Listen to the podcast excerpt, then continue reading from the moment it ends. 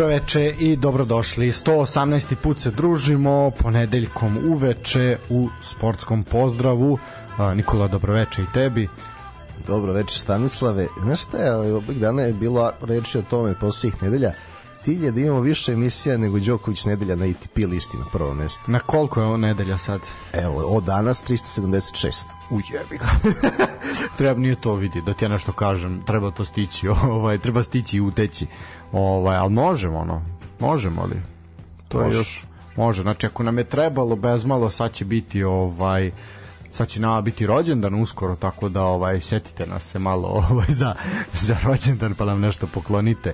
Dobro, ovaj tada sad nam ovaj, slušalci ne vide da onako sto izgleda kao da smo u redakciji RTS-a, a tad će tek da izgleda kad bude rođen. Pa ne, ovaj, samo što nas ne plaćaju kao RTS, ne znam jesi video to što je izašlo. Zato ti da, da, ovaj, neverovatno da ono, najjači je naslov bio šta me Medović radi za platu. Ovaj, pošto nijedna emisija nije RTS-ova koju radi, tako da... Vidi, za, za biser pustinje mu treba dati. To je neko pitao kao, za Katar prima platu, kaj ste i normalni. Ovaj, ne, ovo, super je našto se to tako otkrilo da eto neke emisije tako koštaju po 20.000 po epizodi, ono 20.000 eura za stigni me ako znaš, ono dajte ljudi ne znam, slagalic, po suštini nema ništa, samo je slagalica njihova. Pa, ja, da. pazi, Kris Radenković, koliko, 1600 evra po pojavljivanju. po, super je, bravo. Mislim, ono, za te, za te pare, makar on nek nauči onda da akcentuje kako treba. Mislim, akcentuje ona kako treba, ali ono, za te, pa vidi, za 1600 evra po epizodi bih ja promenio akcent totalno no vidi, pretvarao bi se da sam rođen ono na toču. bi pol da budeš bio sigurno, Kristina Radenković. Bio sigurno, bio bi, bio bi i onako, zavodio bi više nego Kristina Radenković. Aj, ne, ne, sad ne treba se sprdati sa ženom, žena doživjela nesreću na skijanju, slomila obe ruke. Ovo, ti to ne znaš? Ne u tom smislu, naravno. Da, da nećemo da, se sprdati, da, ali... Ovo je... Možemo sve Medovića se sprdati, to nije još ništa, ovaj. Još čovjek, pazi, dobije, ali zato se njemu nije radio biser pustinje, razumeš, jer to ono radiš za dž, tako reći, a ove radiš, uzimaš lovu i sasvim prirodno i ovo to je što je njegova produkcija. Normalno onda je to tako taj biser pustine skidao sa one stvari. Vidiš sad kad malo pogledaš sad ima smisla zašto je to tako. Ovaj, nešto sam nisam video, da sam čuo ovaj, i, i Deki Nedić ima neki redovni honorar pa, plati, ali ne znam koliko je to izašlo. To, to nisam video. To nisam, nisam pročitao da, da budem iskren, ovaj, ali po sigurno da ima, pa i Rade Bogdanović je dobio. E, ali koliko, zašto? Koliko god daje Deki Nediću, apelujemo da se duplira. A to možda ti, ja, ja mu ne bi dao ništa, ali ajde. Ovaj, pa sigurno, svako ko je stručni konsultant na RTS-u da ga zovu ovaj, konstanto sigurno da, da uzima neku lovu. Mislim, ja se bar nadam da uzima neku lovu, jer onako da se blamiraš za nula dinara je isto, isto problematika. Uh, Noelem, uh, čime ćemo početi? Ja bih odmah počeo, ovaj, kako mi to odmah volimo da ukanalimo sa pozdravima i sa željama, čestitkama i pomenima otprilike. Ovaj, tako da, nažalost, eto, pre, pre neki dan, ali moramo, osvrnut ćemo se Kažem. Pa ne, još malo ćemo biti sportski parastos. Pa još malo ćemo biti sportski parastos, da, to je dobra stvar. Ovaj, e, inače, Gorislav Papić, eto Gorislav Papić je, na primjer, nešto uradio korisno za svoju platu, pa je napravio dve odlične oko emisije za mislim odlične, odlične za standarde Gorislava Papića. Ovaj sad baš bilo je grešaka, ali ajde sad ne ne vre, ne može se ovaj baš toliko duboko ovaj ući valjda da sve bude na RTS-u perfektno. Uh, emisija oko prvo je bila za Miloša Milutinovića i bila je više nego korektna. Jeste bilo grešaka, ali dobro. Ali ga se neko konačno setio. Neko ga se setio, da. Ovaj, što je, mislim da je vrlo, vrlo značajno. Baš je to Čikaca Pavlović to lepo rekao. On je najveća jugoslovenska zvezda nakon 45. Ovaj, prva najveća, jel? Ovaj, tako da zaista, eto, lepo je to i zna, zna Gorislav da malo zavreba nekad nekim momentima, mada mi se na primjer nije svidao kad je gostao, gostao u nekom podcastu sad uh, nešto u produkciji sport kluba, ali ovaj baš je onako bio nije mi se baš svidao. Mislim nije da mi sviđa ovako pa sad kao ali ajde. E, kod njega je pozitivno što ga loži taj romantičarski aspekt futbala da. i onda iz toga Zajemo Harema Bazdulja ovaj da komentariš pa da. onda Dobro, Bazdulj je okej, okay, ali kad vidim Neleta Karajlića u oku, to odmah... One... I od obojice mi imam problem ovaj, u stomačnom delu, ali najgore mi je bilo sad druga oko emisija, bila je povodom jel, smrti Ćire Blaževića, Miroslava Ćire Blaževića, i onda je Ratko Dmitrović iz nekog razloga ovaj govorio Ćiri Blaževiću pošto on sad je ovaj Rat, Ratko je član upravnog odbora jel RTS-a ovaj strašno. I sad znaš kao on priča. Pritom je jako onako narativ mu bio pa nacionalistički u krajnjoj najmanjoj ruku. Ne znam jesi gledao jesi pogledao oko to nisam. Da. Ovaj pa ja sam makar mislim 20 minuta nije to sad nešto tako strašno bilo pa sam ajde pogledao. E, bio je Bazdulj. E, on je bio ok pošto on isto iz Travnika jel, kao i Čira kuda je to bilo zanimljivo ali ovo eto što se tiče što se tiče Ratka Dmitrić to je malo bilo onako problematično ali ajde šta sad radimo? E, da eto kao što smo rekli nekoliko dana pre svog 88. rođendana je preminuo Miroslav Ćiro Blažević, kako su ga zvali trener svih trenera, čovjek rođen 35. godine u Travniku, čovjek iz osmočlane porodice, ovaj bio je najmlađe dete i on je često govorio, to sad svi citiraju, ali to je zaista jeste tako, koja je iz tog jednog malog ovaj zaseoka Travnika, to čak nije ni ovaj ono pri samom gradu tada bilo, sada jeste ovaj je čovjek došao zaista do neverovatnih visina i uvek je govorio da kapelo ili bilo ko da je krenuo kako je on krenuo pitanje dokle bi dokle bi dogurao. Ovaj moram pohvaliti igrače Dinama ovaj uopšte ne sam ni tu igrači to je marketing služba ovaj dala predlog. Igrači Dinama i Istre su izašli sa belim šalovima oko vrata i to je onako baš baš dobra fora Ovaj, što se tiče naših ovde mislim da se zaista odala onako lepa počast da su se potrudili eto i RTS i opšte mediji i klubovi čak koji su onako izjavljivali saučešće tako da može se reći da je to otišlo na jedan onako zaista lep način. Uh, vrlo mlad je prekinuo karijeru imao je problema jel ovaj sa povredama. Uh, u Švajcarskoj je počeo da počeo se bavi trenerskim poslom i odatle je lansiran u, u orbitu. Mislim, sad tu da nabrajamo koga je sve vodio, mislim, ono, možemo, vodio je Sion i Grasshoppers i Švajcarsku i Rijeku i Dinamo i opet išao u Grasshoppers i Paok i Osijek i Iran je bila i Hrvatska reprezentacija i Dinamo i Paok i, i bosansku reprezentaciju i Zagreb i Hajduk i Muru i mislim nema koga nije vodio. On, on je čovjek rekao da on nikad nije imao dana, dana radnog staža da nije bio zaposlen, jel? Ovaj, on je svuda prihvatao koga god da je zvao i više puta je i nagoveštavao da onako želi da preuzme i crvenu zvezdu tad kad su bili u vrhuncu, jel? Da, to je ovaj, eto, neostvarena želja bilo, on da. se on se nudi i nije ni krio da se nudio, ali naravno on je, znaš, Ciro je svaku priču šmekerski pako. Tako je. To je.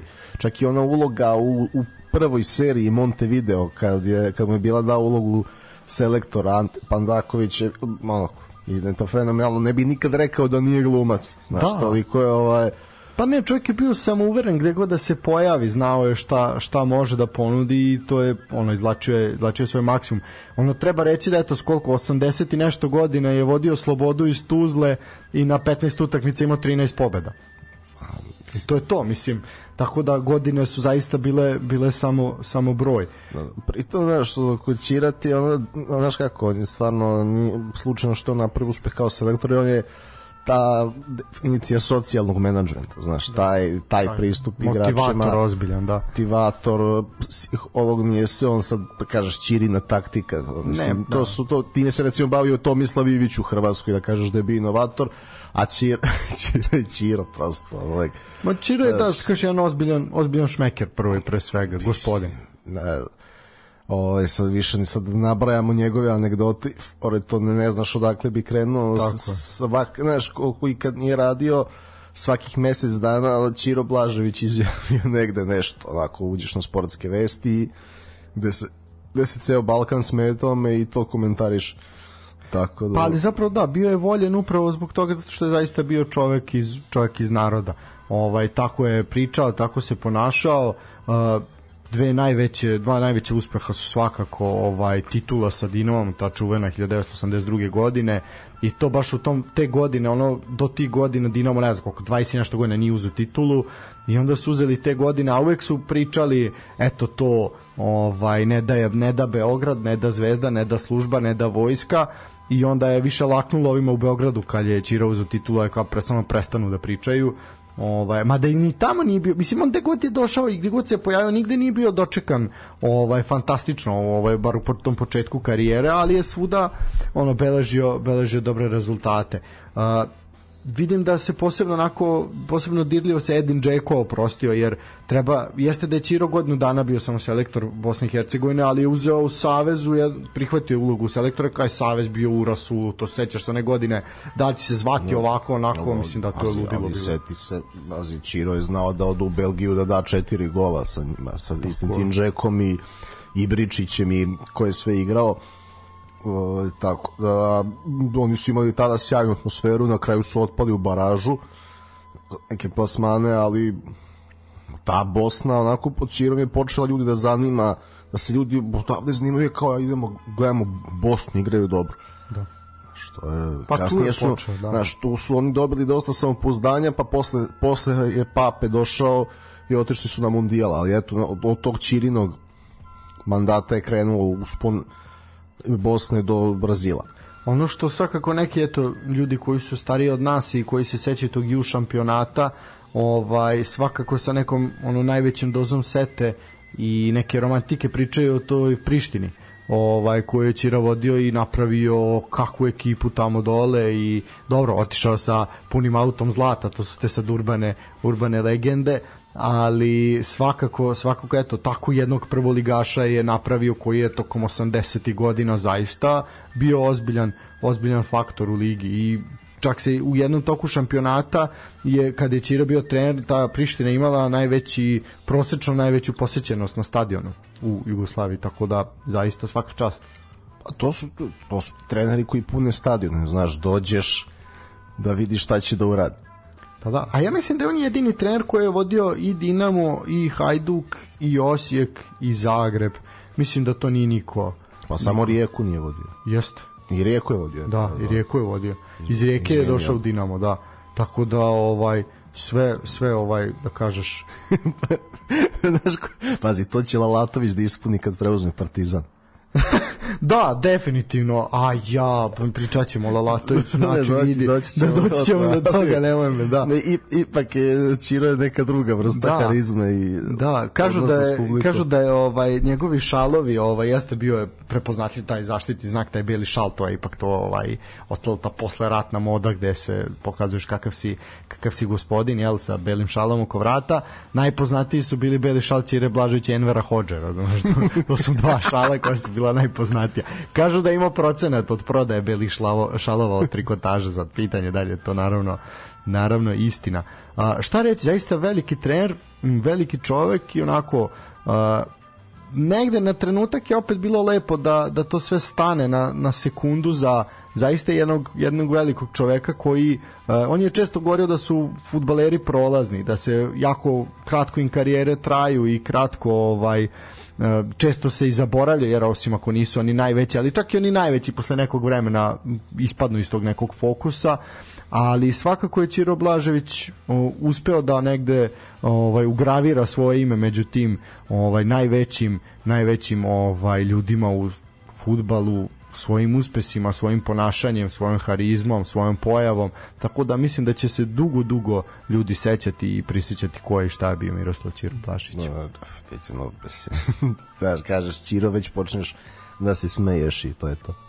Pa dobro, da, mi sad ne treba, nije, nije samo bila ono, ne, ne, u pozitivnom, da, u pozitivnom smislu, da. Razvučeti osmeh na lice, da, nema, Znaš, pa čak i oni momenti nas tu, tu dosta vidim da mu sporavaju te priče sa Tuđmanom i ovo i ono, pa čovjek je znao kako da pliva u tom momentu, mislim, ja to ne vidim ništa ni tu sporno, ono, i čak je i to je onako e, pa koristio. Pa sad ja ne, znaš kako, da. ne znam tačno što nisam, šta mu spočitavaju, ja znam da... Pa znaš kao, zato što je bio blizak, blizak sa njim, ono, u suštini to, ali jebi ga, ono, u tom momentu to je bilo nacionalno oružje, je bila ovaj bila reprezentacija, tako da mislim to je sasvim... A ne znam kako, je, kako ti objasni, znaš, i Prosinečki se grlio s njim, pa je prihvaćen bio ovde da. i voli da dođe ovde i dalje i voli zvezdu i to je sad, e, znaš kako, imaš da ti političari umeju tako da se nametnu, onda, znaš kako, imaš onu situaciju kad Vučić trči da zagrali Đoković i sad šta će, neće Đoković da ga gura pred da, ljudima, nego, nego ajde, pot, zagrlim te, potrpšem i idemo dalje, protokol i to je to.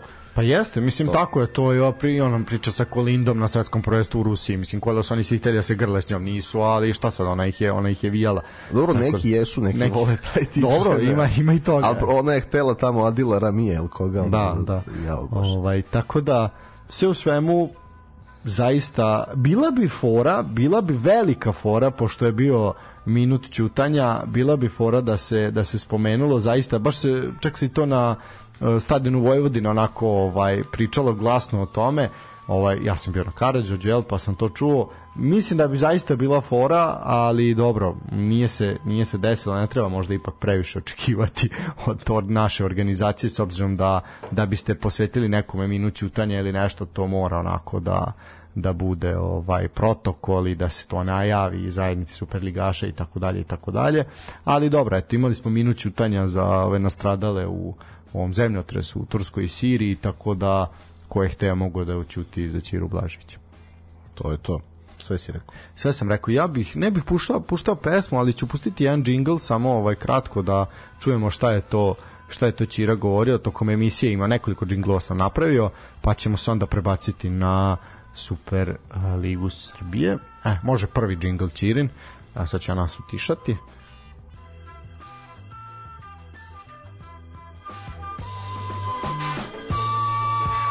su oni koji ne vjeruju.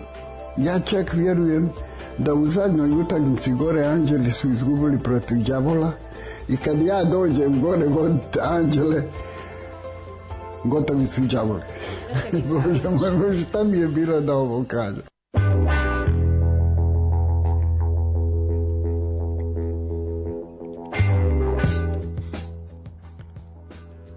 To je bio Čiro ovaj, ovako u nekom verskom momentu. A mi idemo na Superligu Srbije. Uh, sa dubokim uzdahom uh, 21. kolo, a iščitat ćemo kratko rezultate pa ćemo onda krenuti. Uh, Novi Pazarajnički Niš 0-0, Javor Spartak 1-0, krenuo sam nazad namerno, Partizan Lados Gat 0-4, Vojvodina Kolubara 3-0, Voždova Crna zvezda 0-6, TSC Bačka Topola napravak 2-0, Čukarički Radnički 1-9-2-3-3-2, uh, eto kao i u imenu, i Radnik Mladost 1-0. E, ostajemo znači u Surdulici, uh, Surdulica je bila, da kažemo, tu se otvorila, otvorila priča ovog 21. kola, uh, do pre par dana do momenta odigranja utakmice bilo je po metra snega dole ovaj i stadion je odnosno teren je bio jeziv. Jesi ti gledao tekmu? Ovaj? Jesam, ovaj, ispratio sam to i stvarno, znaš kako je, kaže mi jedan drugar, samo zbog ovog terena im želim da ispadnu.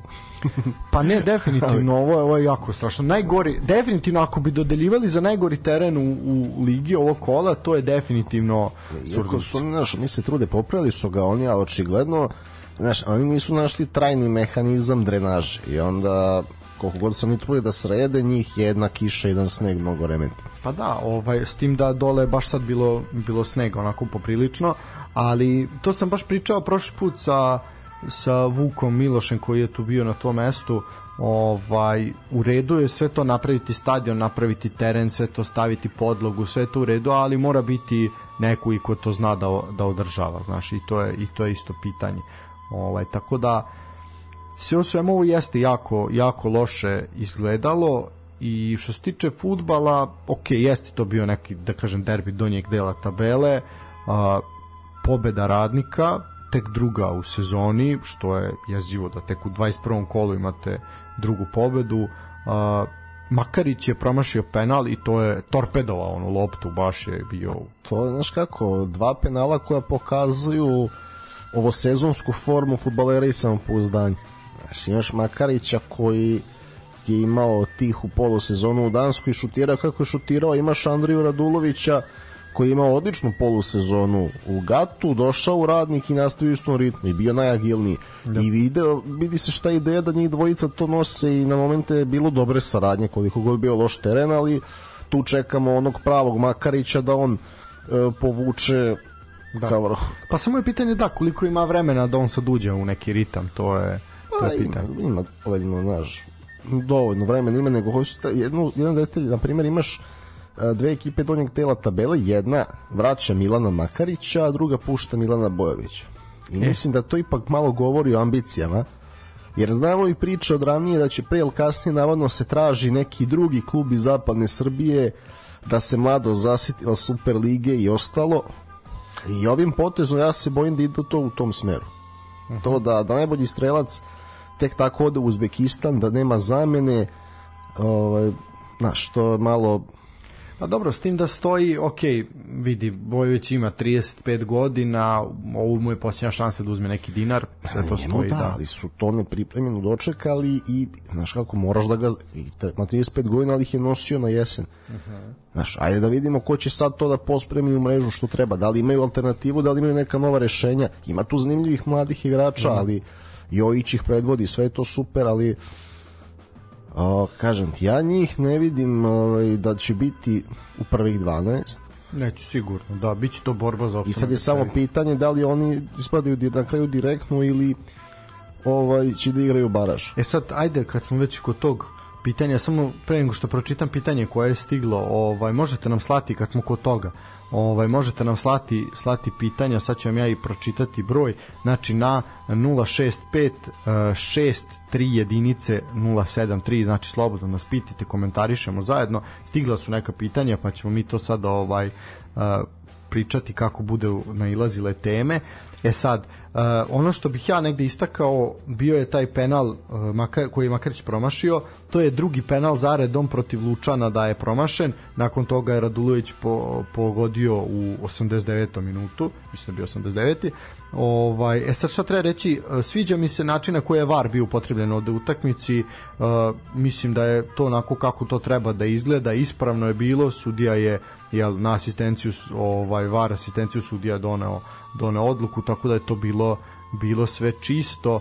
Uh, šta trebaš reći? Eto, da, Radulović je dao gol ovaj na primer protiv protiv ovaj radnika dok je igrao za Gata. Eto, to je na primer zanimljivo, pa se eto sad sad iskupio da tako kažem. Da, to je još u avgustu bilo. Da, da. Uh, tako da eto, u suštini uh, ja ne bih šta ovde puno pričao. Ne, šta da. suština je za radnik da oni, eto, ova pobjeda im mnogo znači i da oni treba još malo da se približe, da dovedu sebe u poziciju da u play-outu međusobnim duelima, eventualnim pobedama mogu da odluče da na taj način ubaci na 14. mjesto. Znači još malo da se približe i onda u direktnim duelima da E sad, pitanje koje je stiglo je hoće li konačno radnik ispasti? što konačno?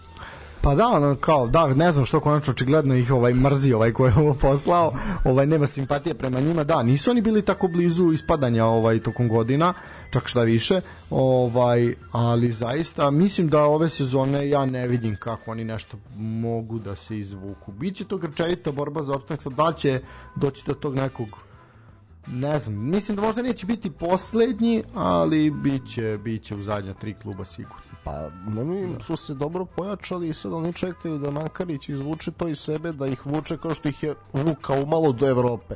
Da. Sad oni hoće da ih sačuva u ligi, ali kažem ti njima, realno, pazi, ovo je bilo, ovo da nisu dobili i to bi već znači, bio ovo je već pobeda protiv direktnog konkurenta. Znak, oni sad moraju da pobeđuju ekipe, ne znam, raspored kad dođe, ali ekipe iz play-outa oni moraju da pobeđuju i opet da se kad se s njima sastanu, znači imaju još koliko devet kola ima regularnog dela, tu moraju da pobede sve iz donjeg dela tabele i onda da opet u play-outu da, da ih ponovo pobeđuju, što što nije ni malo jednostavno. Da, biće, biće grčevito, biće gadno. Kaže, biće kaže gadno. evo, moje mišljenje da, da će na kraju da se približe i da su, recimo, fali im tu da su, da su još dve, 4-5 bodova više da imaju, da bi onda vrlo mogući opstali, ali da će ih baš tolika razlika i toliko loša jesen koštati. Definitivno. E sad, uh, ono što je onaj meč koji je bio drugi po, po programu ovaj, u petak od 18 časova na Banovom brdu Čukarički i Radnički iz Kragujevca ludnica, totalna ludnica na Banovom brdu i prava je, pre nego što uđemo u priču o ovom meču, zaista je prava prava šteta što je na, eto, i na ovom meču, ajde u Surdulici, ok, bilo je tu nešto malo ljudi, ali na ovom meču na Banovom brdu bilo je svega 200, 200 ljudi na tribinama, što je baš onako tužno, ali meč je bio fantastičan, meč je bio prelep za gledanje, ovaj, zaista je bilo i dobre kombinatorike i lepi golova i šansi i svega. Šteta, šteta, eto što Naš, ne, ne deluje to kad ti vidiš tako prazne stadione i viš ako loš teren kao što je bio Surdulica, onda neko kaže da smo mi 11 po rangu na FM, nismo, mislim, ovo, ovo je baš bilo, baš onako izgledalo tužno, je sad opet po petak 18 časova, naš pitanje je da se igralo subota pospodne da bi bilo više ljudi na, na Banom brdu, ali sve u svemu ovo je baš onako, baš tužno. Pa ne bi mnogo više, zašto Žukarički nije klub sa bazom navijača i nemaš, ne, naš klub, samo bi još OFK Beograd da se vrati pa da igra tako mogao da generiše nešto publike, ali... Pa da, više od ono 2000 ljudi možda, da. To je, kažem ti, za neki treći tim u Beogradu sve vrlo upitno. Iako igraju mnogi, dobro i Čuka i Voždovac i zaslužuju publiku, ali ne, baza ne postoji i sad Pa da, što se tiče prvog poluvremena... Kako, kako da ubediš nekog, izvini, uh -huh. ovaj, kako da ubediš nekog koji završava s poslom u petak u 4-5 da ode na Banovo brdo... Neće.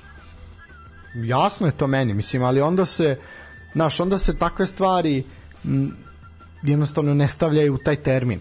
Razumeš, nek bude petak, a nek bude 19 časova, razumeš, nek bude 19, bude pola, pola 8, nek bude 8 onda se to tako radi. Pa nek budu i dve, mislim ja opet shvatam da to zavisi od programske šeme i od svega, ali zaista je po meni ovo ovo je besmisleno, ovo se stvarno opet to stalno to isto pitanje kome i čemu. Uh, što se tiče prvog poluvremena utakmice, Radnički je bolji, četiri udarca okvir gola su imali u prvom poluvremenu, nisu nije bilo golova u prvom poluvremenu, al zato u drugom totalni, totalni haos. E sad ja nisam baš stigao da ispratim ovu utakmicu, znam šta se dešavalo, to ću tebe, tebe pustiti, a ovaj koji si malo više Nema šta, spušteni gardovi i ajmo. Eto, to je ono, borba, e, sa, znači, ka, svakome ko kaže da o, na našim terenima nema šta da se vidi, ovo pusti je... ovo drugo poluvreme i eto.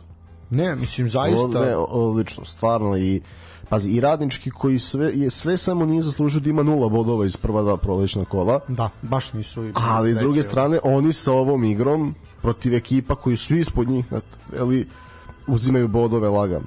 Pa im nekima iznad, stvarno su, kažem, imali su tri boda u džepu, ali e sad kad znači, ovaj... znači svaka izmena, evo, ova dva kola, svaka izmena Čukaričkog duga klupa, dobar prelazni rok, dobar letni prelazni rok Tako je. i E sad, ima pitanje vezano upravo za ovo što se sad načeo u temu.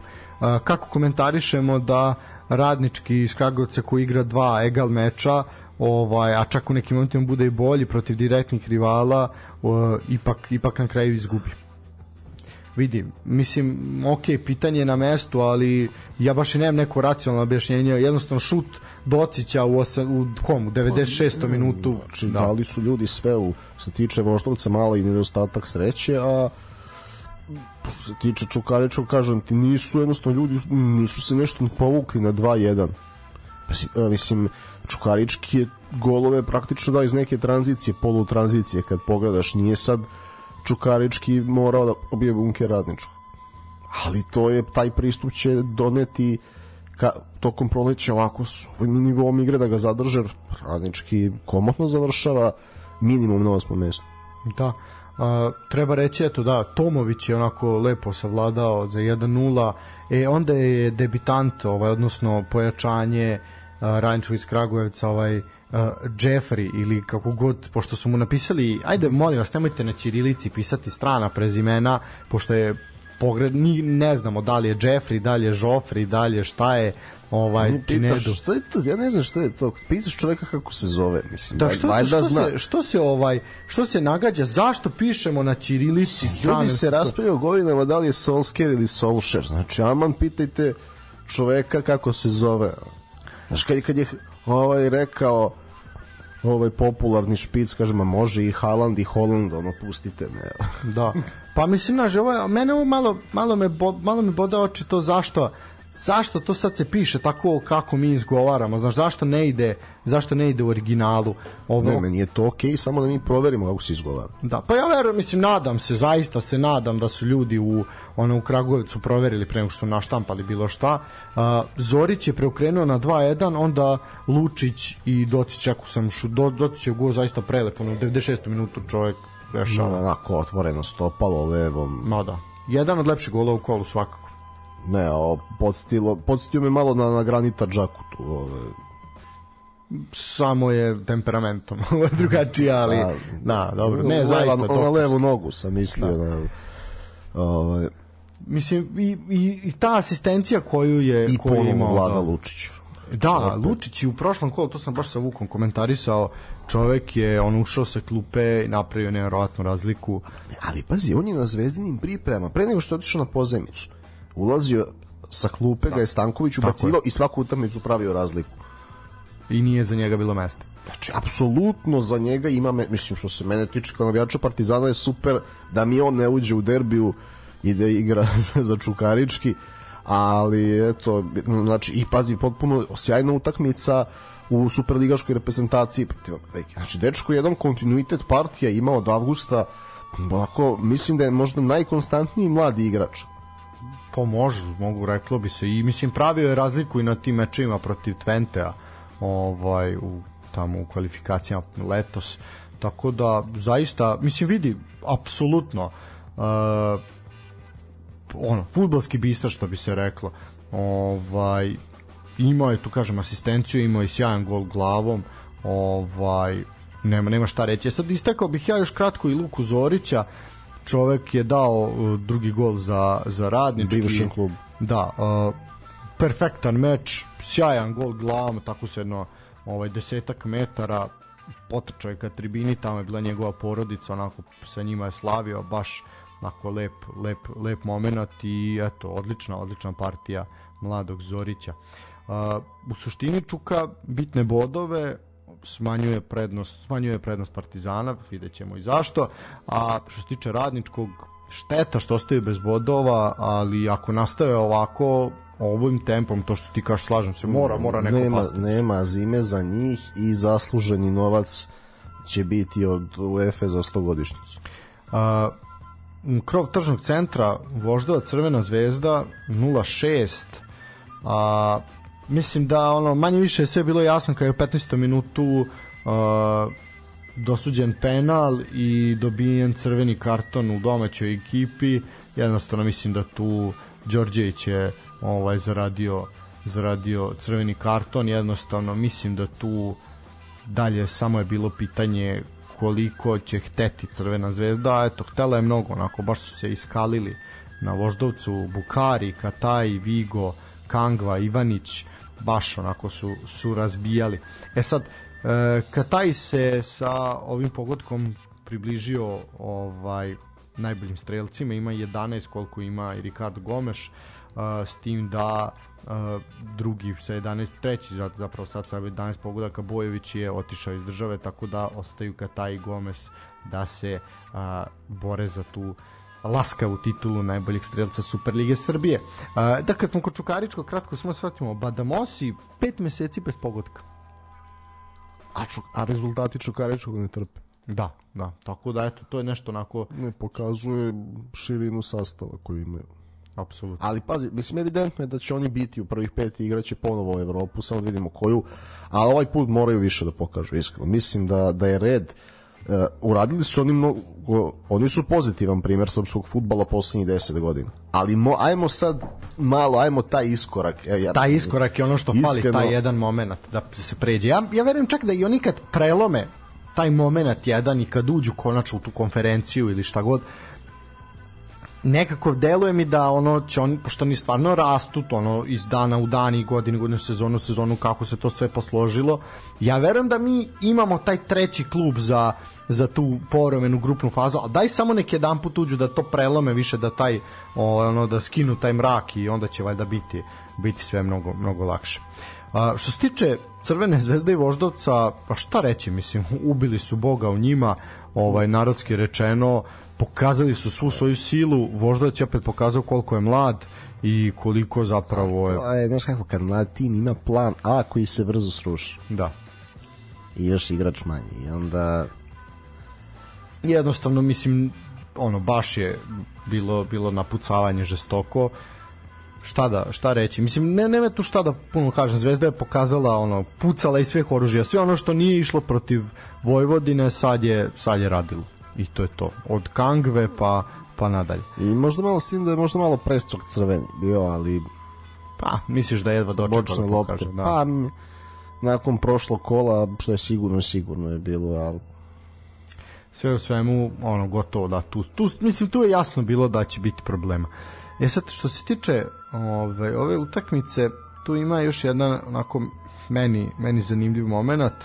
E sad možemo ga samo notirati a to je da je na konferenciji za medije nakon što je Milojević upitan šta kakvo je njegovo mišljenje oko te priče priče u, u izborima u Savezu Nemanje Vidića i tako dalje da je on bio onako isečen brzo i nije ni dobio priliku priliku za odgovor tako da odmah je rečeno da se neće o tome pričati nego samo isključivo o futbalu. E sad ali onaj koji mu obezbeđuje novac za pojačanja i koji model do, pojačanja je otvoreno na strani protiv kandidata, koji još nije zvanično kandidat i to ističe, ali znamo koje su struje moguće, ali pazi, da, to je sad već poslao toliko usiljeno, ja ne znam, ja mislim da na kraju može bude vidići jedini kandidat i kandidat vladajuće struktura i opšti konsenzus da bude, jer on, kako je on je završio karijeru i onda je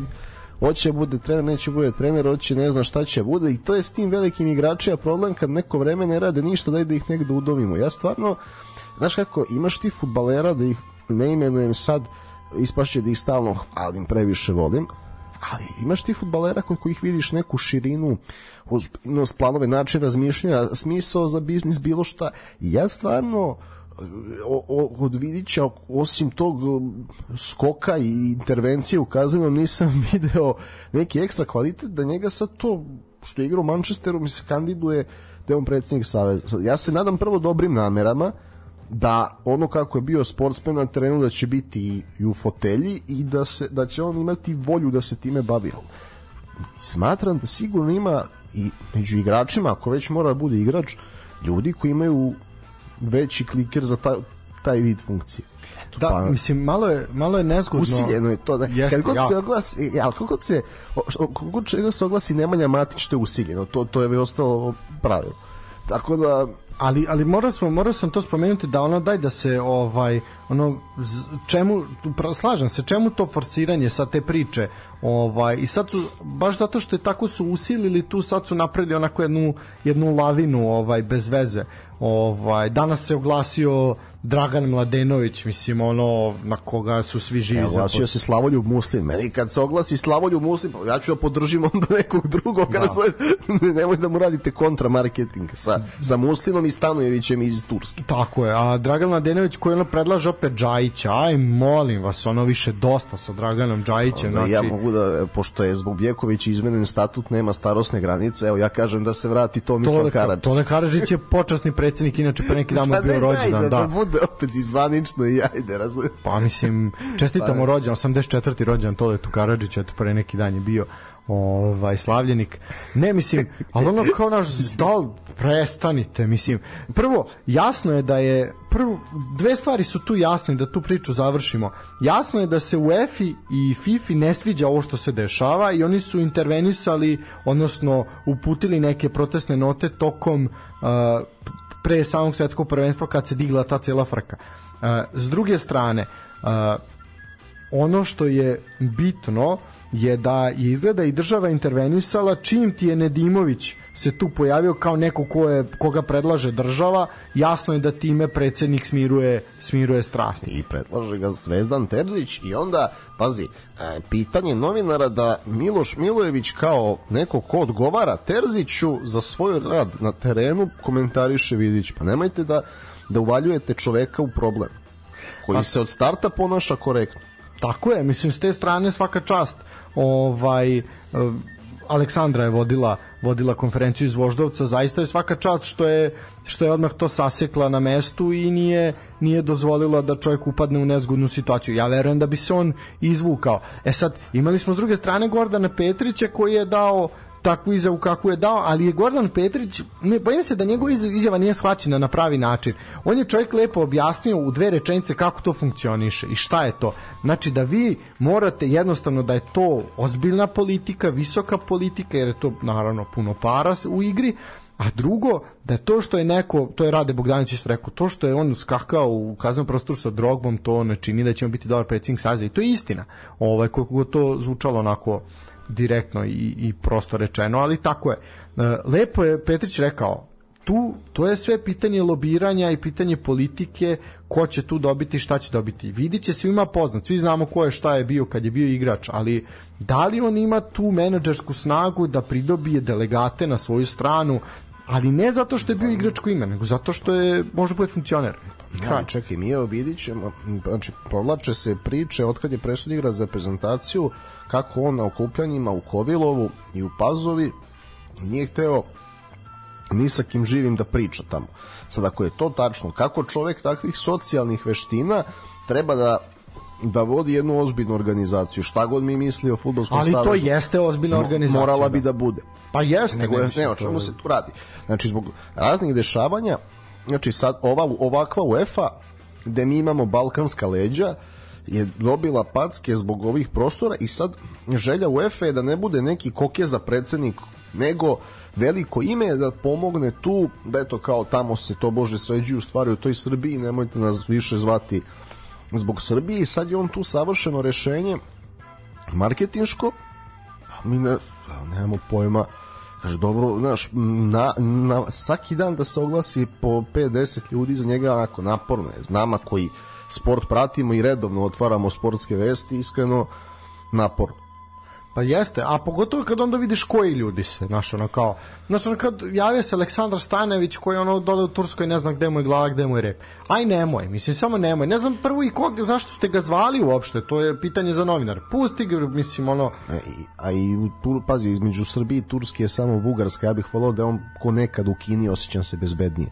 Ali, ovaj, E, kad smo kod Kine neće biti toliko bezbedni Kinezi ovaj da e, reci ko je pa ne, Aleksandar Janković je kandidat za selektora Kine moraš da ne moraš da nađeš džinglove ono kako Anđus To ćemo ovaj, isto napraviti, da. Kaže kako pobeđuje Užicu uz pomoć Boga Oca Svetog Petra i Svetog Pavla. Ono je genij. Ono je... E, tako da, ovaj, kažem ti, ovaj, ja svakako Naravno da mi je draže da je neko tu od sportista nego Slaviša Kokeza. Ma ili Branislav Nedimović, da. mislim da nema razlike nikakve, ali...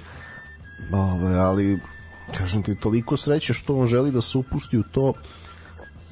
Evo, evo da uzmem sad, da ne bude da pričamo o bivšim igračima Partizana ili nekog kluba, da uzmemo u bivši igrače Zvezde.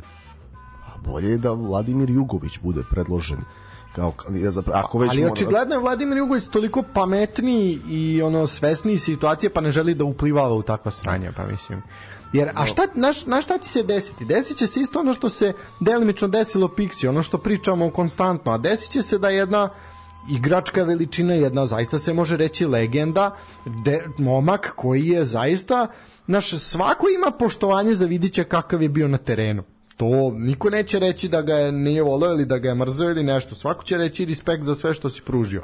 I u dresu Manchestera i u reprezentaciji i tako dalje. Ajde no, pred ne, kraj. Ne baš u reprezentaciji. Dobro, pred kraj je malo tamo bio problematičan.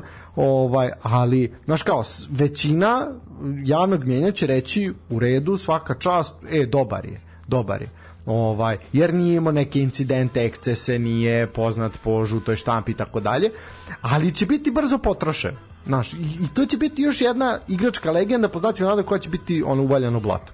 Mi samo pitanje šta, kao, koji je, ja, koji je njegov, kako sad on to planira da koji ozdravi? Šta je njegov plan? Koji je njegov plan i koji je znači, njegov motiv? Ne, on je predsjednik, ali on, koji on ljude okuplja oko sebe? Ako ćeš ti da okupiš sad, ne znam, Pantelu i da ste tu drugari s tobom, mi nismo ništa radili.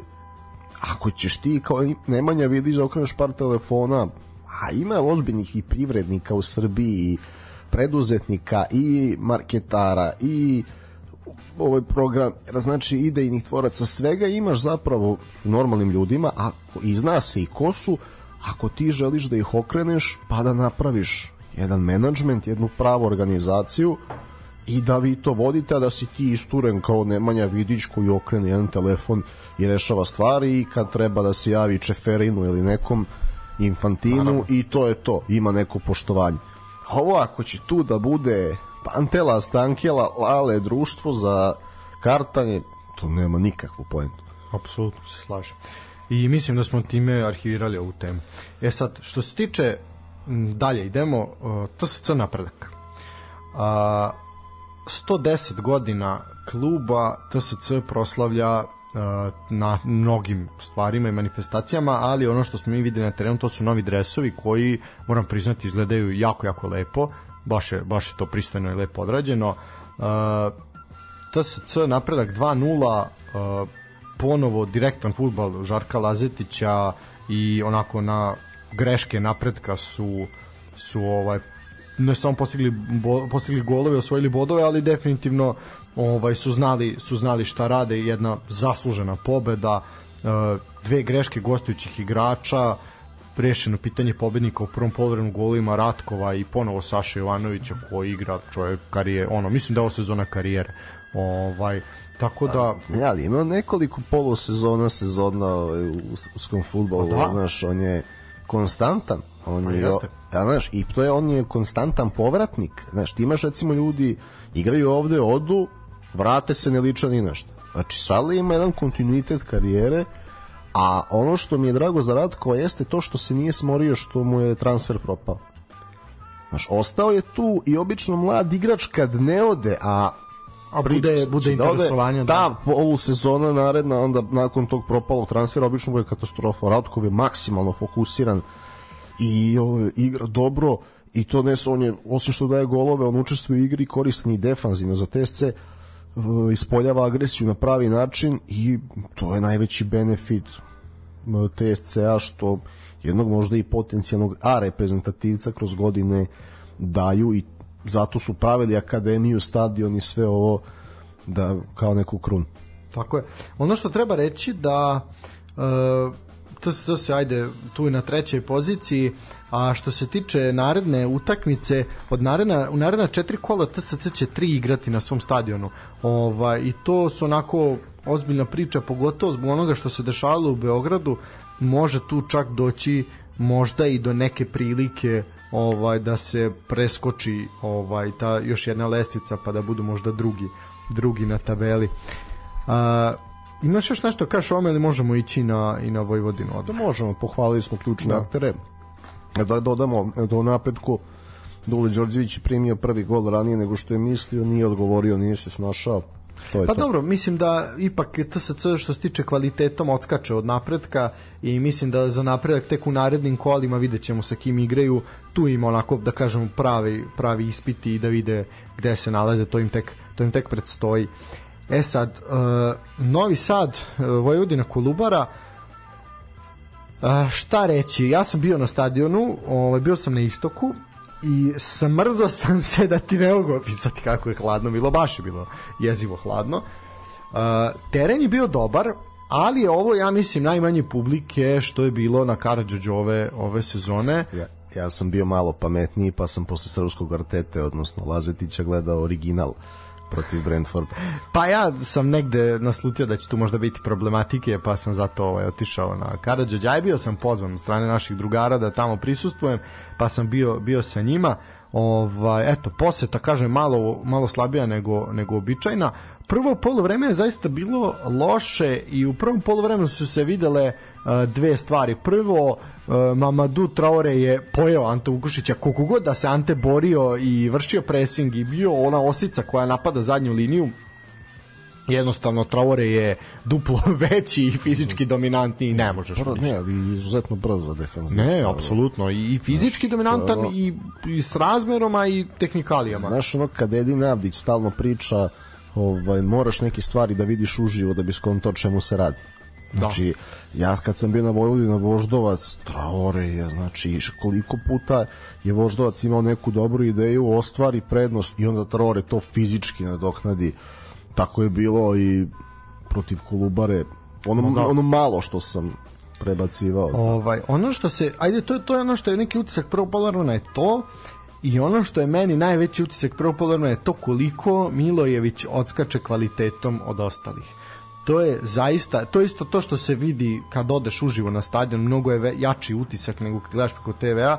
Zaista uh, momak ukoliko ta Kolubara ne ostvari svoje planove, a evo sad su izgubili bodove, ne vidim kako će, ovaj, bit će to jako teško. Uh, ma da, na, imamo priču, trebao bi gospodin Dragiša da dođe, ovaj, ja se nadam naredne nedelje, pa ćemo malo više pričati o Kolubari. Uh, Milojević zaista odskače kvalitetom i on vuče tu ekipu, on je taj kreator, ja ne vidim kako će oni njega zadržati u narednoj sezoni ukoliko oni naprave neki, neki rezultat. To je jednostavno mislim da neće biti moguće. Znaš kako, ali od Nemanje, vidi Nemanja, evo, meni on deluje kao da u najveći profesionalac tamo, dečko s ambicijama i e, mogu da dobiju određenu tu novca da, da se adekvatno pojačaju za mene, da traže top 8, pa ako ne dovede, znaš, od njega mogu da kupe tri igrača realno kvalitet. Pa jeste, da. A reci mi kako ti se čini Bagarić? A, Bagarić se pa nije posebno video. A, mislim da ajde možda možda je tu doprinela i ta i ta zadnja zadnja linija Vojvodine koja je stvarno bila fantastična.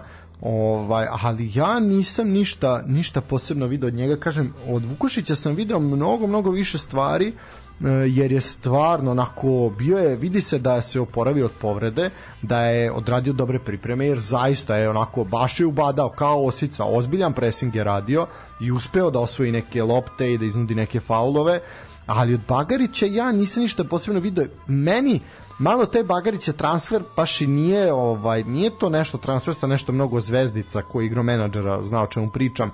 Po meni je on kvalitetom i za klub slabijeg kalibra nego što je nego što je Kolubar, ali ajde, čekam da me čekam da me ovaj on svakako ovaj demantuje.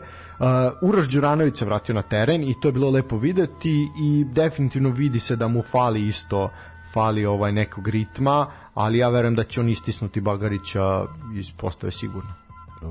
Jasno, hvala ti. A sad mi reci kako ti Zukić izgleda uživo? To je ta priča. Moraš moraš vidjeti A, meni je Zukić bio, bio sasvim, sasvim onako dobar. Moramo jednu stvar reći, Vojvodina izašla bez klasičnog napadača. Dobro, spominjali smo to da. pre po, prošlo kola nakon priprema da će Malbašić Tako je. biti devet, to je Rastavac izjavio. Tako je, da, Vojvodina izašla malo Barcelona 2009. godina ovaj, sa Malbašićem kao Davidom Viljom, ovaj, prilike to tako izgledalo, ovaj, ali sve u svemu, Da, nije to prvo polovreme bilo nešto ovaj baš tako sjajno. što se tiče uopšte veznog reda Vojvodine i Zukić i Topić, ali i Kabić i Čumicu po meni ono odradili ozbiljan ozbiljan posao. Svi su sve je funkcionisalo onako kako treba funkcioniše. Čak čak i ni Vitas nije napravio nešto puno sranja, ovaj, tako da je sve bilo kako treba. A pa onda naravno si dobio 3 Pa da. Ovaj, e, Zukić je dobio žuti karton, bio je dosta agresivan, zaslužen žuti karton, malo se onda tu ono primirio da ne napravi neku glupost. Uh, Čumić je u drugom poluvremenu zaista proigrao i ok, krunisao to jeste golo, imao je šansu za još jedan. Veljko Simić, šta reći, čovjek je najkonstantniji, ono, to tako da tu ne treba ništa. Malbašić je postigao pogodak. Uh, jedno, jeste bilo to prvo poluvreme dosta, dosta mrtvo, ali u drugom je to se... problem sa zglobom, to samo Kabiće, se nadamo, da, i... da, što posle dobrih priprema znaš kako, i, i ka, vidiš sad uh, koliko pripreme znači, na primjer Kabić i Zukić nisu prošli letnje pripreme kao dva bonusa, svako iz svog razloga.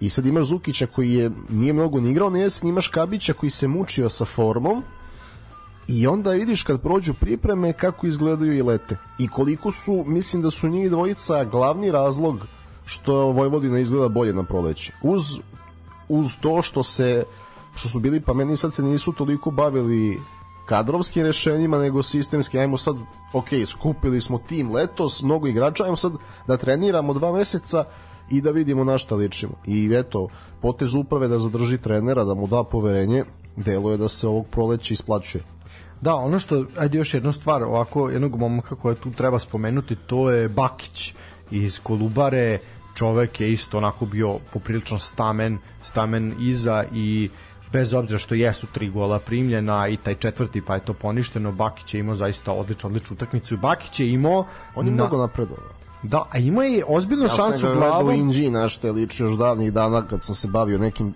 poslom u toj sferi kad upališ na Vice Scout u Vasilije Bakić, to je bio horor jedno vreme, tako da je dečko mnogo napredo. A imao je ozbiljnu šansu glavom i tu je ta utakmica mogla da ode možda i u drugom smeru, ovaj, gde je Carević imao zaista ozbiljnu intervenciju, to mu je bila i onako naj, je, da kažem, jedina prava, prava intervencija, Ovaj tu je Bakić da je pogodio, to bi otišlo svakako u nekom drugačijem smeru, ali ovako Vojvodina zasluženo 3:0.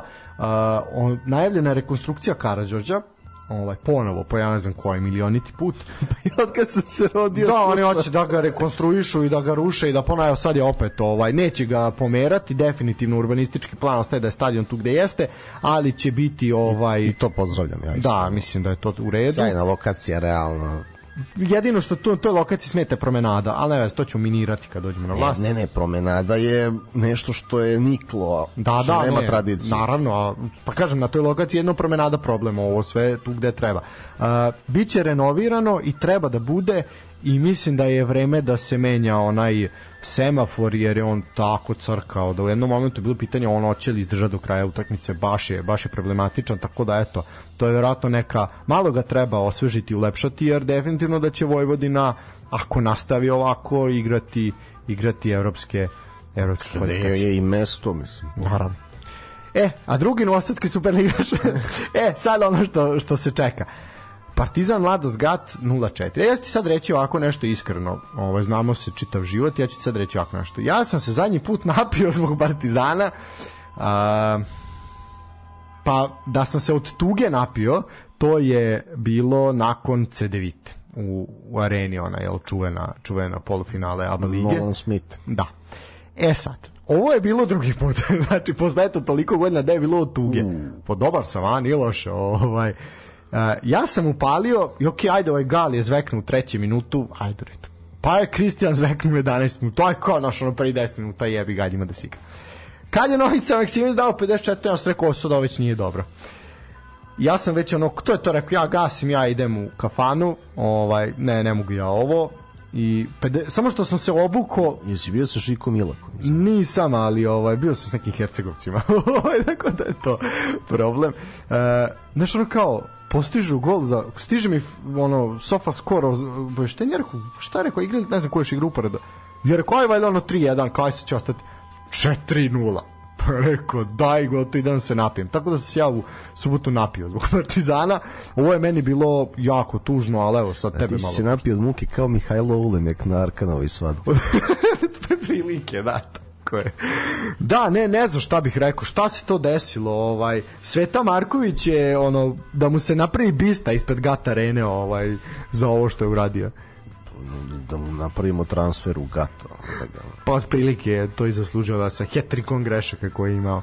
Ne znam, aj ti reći malo nešto, ja pa šta, ne šta da kažeš. Šta? E, a to sam mislio, znaš kako, to tokom utakmice misliš, evo ti teme za kao, mi svi sad svi očekuju šta da kažem, mislim, ono, Znaš kako, prvo sastav koji je izašao. Znaš kao odmaramo igrače, zašto dobro, odmara i ti za šerif, to je u redu.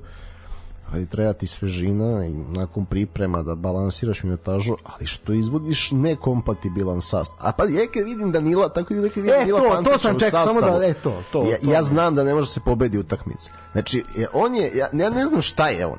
Ako izuzmemo onu asistenciju protiv Young Boysa to mu je sve okay. On je krilo koje nema brzinu, on je veznik koji e, nema uh, defanzivu, on je desetka koja nema ubitačan pas i sve se svodi na to da da se verovalo u njega zato što je u mlađim kategorijama mogao prebaci živi zid i slobodnog i šta? I sad je ovo 180. mandat u Partizanu 203, nakon 230. povrede pokušava se da mu se nađe pozicija ima još godinu i po ugovora i sad se Gordanu Petriću uvaljuje Stanojevićeva koska da on ima obavezu kad pred neku važnu utakmicu kad čuva nekog bitnog igrača da i da igra Danilo da, da eto da ispunimo neku normu to pod jedan drugo nemoj da kanališ Baždara on je gledaj dečko a, on me podsjeća kao kad je Brendan Rodgers gurao Firmina na bok znači on može da igra a, malo ofanzivnije 9, može da igra povučenije 10, može da uči u vezi, ali ne može da igra na boku.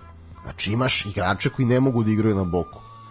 Kao što sad ovaj malo stariji Griezmann više ne može da igra na boku. Ali može da ti donese mnogo, pa u, u toj zoni. Dele Ali ne može da igra na boku. Znači, dok, kad god su ga stavili na bok, Tottenham je gubio bodove. Uh, I jednostavno, baš da ima svoje zone, on može da igra sam gore u nekim varijantama, da se igra pressing ako igraš protiv jačeg ekipa ili da igra ovaj kada napadaš bunker da igra u tandemu sa nekom klasičnom devetkom kao što je Ricardo. Sve drugo je upropoštavanje tog dečka. E sad uh, onda i onda imaš uh, znači onda i Natho i Andrade igraju šestici. Znači, da, ne, neverovatno ne, ne kompatibilno potpuno. Mislim, nema Traorea, nema Kolorada, nema Fejse, nema Belića. Fejse kad je ušao nije ga bilo, tako da... Ne, da, da, pričamo da. o profilu igrača. Da. Znači, tebi je Belić morao da počne utakmicu zato što je Traore imao ok. Znači, to, to je Petrić pokazao svoju širinu razumevanje, mora da sredi stvari oko porodice u Turskoj, nepogoda, svaka čast. Colorado skoro došao, imaš Fejsu koji... A to, što ti Belić ne počinje utakmicu? Apsolutno. Pritom izašlo se sa dva napadača, mislim, ono kao i sa Pavlovićem i sa Gomesom. Ja, sve... Da li su ta dva napadača kompatibilna? Ne. Pa izašlo se sa dve Gledaj, šestice. Ba, Baždar je kompatibilan da igra drugog napadača sa ob, obojicom. Znači, da. može Ricardo, Baždar, može Pavlović, Baždar. Ali Pavlović, Ricardo. Pazi, to Pavlović, je Ricardo, samo... a vamo Baždar i Pantić i Natko i Andrade. Ja znači, ne razumeo kontekst utakmice. Znači, to je prošlo u Kelnu, ali tebe tu Kel napada. I sad kad ti imaš Pavlovića... Pa da drži... napadala, da ja kažem nešto. iz, ko, iz kontre, da, ali gledaj, ti, e, ljudi su mislili da to može uvek za... Znači, nije to isti kontekst utakmice, nego Keln je neko ko ima veći posed i on više pritiska. I ti si na gostovanju. I sad kad e, ti tebi treba da odbrana predahne presinga, Pavlović na centru drži loptu, a Ricardo napada dubinu i traži tranziciju sa Menigom i Diabateom. I to onda prolazi. Ali i još naravno sa adekvatnim defanzivnim veznim kao što je Traore. Pa se onda pridoda Nadho tu, ekstra motivisan za taj vid utakmice, pa to funkcioniše. Jo, protiv Gata, pa još i Baždar, pa tu Pantić ne znaš koliko kome smeta. Znaš, stani čoveče. Mislim, ajde sad, ok, ali jeste. To, ali pazi, znaš da ovaj, ova je takva ekipa, ako gledamo, ova ekipa od, izgubi kup u Mitrovici, pa ode u Keln pa pobedi. Znači, ja se sad ne bih iznadio da u Moldaviji bude 0-4 za Partizan. Mislim, ta, toliko je nepredvidiv tim. Da, mislim, ove sezone, ono, e, eto upravo to ispalo se od radničkog u Mitrovici ono, život ide dalje pobedio se Keln, život ide dalje dva puta se tuko Keln, mislim, ono, neverovatno ovaj, Što se tiče, a sad, ok, jeste Partizan izgubio utakmicu, ali ga i Gat je pobedila. Ovaj malost je pobedila e, to, i to je isto treba e, pričati to, malo o tome. To znači to je isto se to problem u srpskog fudbala kad Zvezda i Partizan kiksnu. Da. A, da se priča o tom oni su kiksnuli a neko nije pobedio. Ne, apsolutno. Kapa dole Ljubomiru Ristovsku. Apsolutno. Da ne na, ja ne znam da li jedna ekipa mi Ljubomira Ristovskog ikad dala četiri gola. To je prvo pitanje moje. Ovaj, ali da, ono, to je to. Naš zvezda je kiksnula protiv Vojvodine, a blamaža Partizana protiv mladosti. A niko ne kaže da je mladost razbila Partizan. Znači, imao i od toga. Ok, bilo je grešaka, sve to stoji, ali ipak ovaj, jeste to ovaj poraz, da ajde da što se tiče statistike, to je drugi najteži poraz Partizana na njegovom stadionu, prethodni je bio 76. godine od Hajduka, 1-6, onaj čuveni, ovaj, e sad evo. Pazi, hoćemo kompetitivnu ligu, a a nećemo da outsideri dobiju. Mislim, ne, moraju pa, ljudi malo se odluče. Naravno, mislim što se mene tiče neka bude više i Vojvodina i mladost i ekipa i radnika i Surdulice koji je tu ko zvezdu kog puta, dva puta prošle sezone. Znači, a da se naviknu i jedni i posebno ovi drugi da nema lakih utakmica. Naravno. E sad, jeste mladost izgubila od Javora na primjer prošle nedelje, ali je mladost odigrala perfektnu utakmicu isto kao protiv Partizana. Znači to se isto mora mora napomenuti. Uh, ja sam nakon što smo gledali smo i ti ja smo gledali tu tu utakmicu videli smo makar delove protiv Javora mi smo videli da mladost uopšte neće biti lako savladati na na stadionu Partizana i to se i pokazalo. E sad ja moram da pohvalim još jednu stvar a to su pojačanja odnosno scouting koji je uradila ekipa mladosti i da postavim jedno pitanje i tebi, ali i svakom jednom ko sluša, a znamo da slušaju Partizane, ali posle komentarišu šta smo rekli. Znači, jedna mladost koja je, eto, debitant u Superligi Srbije, ti je dovela, eto, taj Kristijan, taj Dalbel, uh, Brazilac, 99. godište, iz Ukrajinske zore došao četvrtoplasirani tim ukrajinskog šampionata. Uh, ajde došao tamo je sad situacija ok, sve jasno, ali ne veze, doveli su. Taj tog istog Kristijana Be Bela mogla je da dovede, mogla je da dovede i Partizan. Roman Gal, uh, čovjek koji je dao prvi gol, asistent u prošlom kolu protiv Javora. Igru Malmeu. Igru Malmeu čovjek. Znači, čemu pričam? Tri sezone igru Malmeu. Mituljikić, mlada nada Crvene zvezde na pozivnici, otišao je Radulović, došao je Mituljikić u redu, ali zašto Partizan nije izbacio nekog svog sem, ok, ajde, tu je Baždar, možda ne možemo tu da pričamo na takav način, ali hoću da kažem da istaknem šta je mladost uradila. Ovaj Hekman na štoperu, čovek 28 godina iz Žil Vicente, došao, igrao sasvim solidno tamo, Nemanja Milić, čovjek igrao Bate Borisovu, ovaj zaista bio je zvezdin džoker ovaj kod Milojevića, Spartaku, Cepa. Da, da mladost ima taj novac. Znaš, Pa vidiš, očigledno, mislim, jesu to... Mislim, ne verujem da je Roman Gal došao da igra za 600 evra. Pa nije došao da igra za 600 evra, transfer nije plaćen, došao je za nulu, ali je, Dobro. ali je dobio platu. Pa, mislim... Ja to, ne, to ne znam koliko je on mogao dobiti ovde, to mi je vrlo zanimljivo. Pa ja ne verujem da, mla, ako mladost Gat može da da veću platu od Partizana, onda futbalski klub Partizan je kugno taj ključ u bravu, mislim. Da. Ne, moga ima Partizan i bolji igrači se nude, samo je pitanje kad, šta i zašto se to ne realizuje. Ne, evo ti primjer, kažeš mogu je da izbaci nekog. Znači, odlazi Lutovac, što je okej. Okay. Znači, ne, ja nemam, otkad je Gordon Petrić tu, pa Ilija Stolica, kad pogledaš dolaske, odlaske, to je sve okej. Okay. Druga je stvar, kad, kako igraš, kako se Naravno. to sklapalo i radilo sa igračima. Ali kad gledaš dolaske i odlaske, većina igrača je vrlo korisna i otišao je koje treba da ode, ako mene pitaš. E sad, znači Lutovac ide u Austriju, to je u redu, limitirano krilo, znači sada Diabateu svakako ne treba ne znam kakva konkurencija zato što je zakon, zato što je najbolji igrač kad je u formi, znaš da se nećeš naigrati protiv njega i sad pazi, odmaraš Diabatea za šerif u redu i kažeš, i kad je Lutovac otišao, to je bilo minute treba da dobije Janko Jevremović da popunjava tokom proleća, da menja Diabatea i onda sad imaš idealnu utakmicu, na mladost gat za Janka da se malo etablira nakon korektnih priprema i ti izvodiš Danila Pantića. Ja, ja, ali meni se nije gledala utakmica kad sam video da je on u postavi. Ja sam gledao do 58. minuta, dalje zaista nisam uživao. Ne, ono, baš sam se terao. Ne, ali ne zbog rezultata, nego... Da što kaže ovaj Žarko samo... našu sreću Žarko Popara nego principijelno bre a. pa ne svakako da ne, ne kažem da sad nismo Drugo... gledali zbog rezultata ali ono da sam otišao na stadion verovatno bi se tamo samo ubio ovaj samo je na primjer nisam da pazim na Čikacu da ne odapne čovjeku da, i Čika Branko koji je bio tamo ono mislim stara garda je zaista bila. E, i to imam još jednu rečenicu ću i već toga. Eto nisam treba samo ću još dodati tu su i Ćosić ovaj momak što je stigao iz Šaktor Kargandija Đorđe Denić koji on igrao za Apolon i Atromitu, znači to su ozbiljna pojačanja za gaz. Kako ne, Đorđe Denić je u radu pravio haos, bio na, bilo je Ilče u inostranstvu ili neki jači klub u Srbiji, mislim, čak imaš ti navijače Partizana koji su sve vremeno prizivali Denića na toj poziciji u rotaciji, pre nego Đorđe Ivanovića recimo. znaš. Svakako. Ali eto, da... mislim ovo naš, hoću da kažem, šta je poenta sa toga što sam ja nabrajao igrače? Pored toga da zaista njima svaka čast. Mnogo njih je se našlo i u timu kola, to ćemo isto pročitati.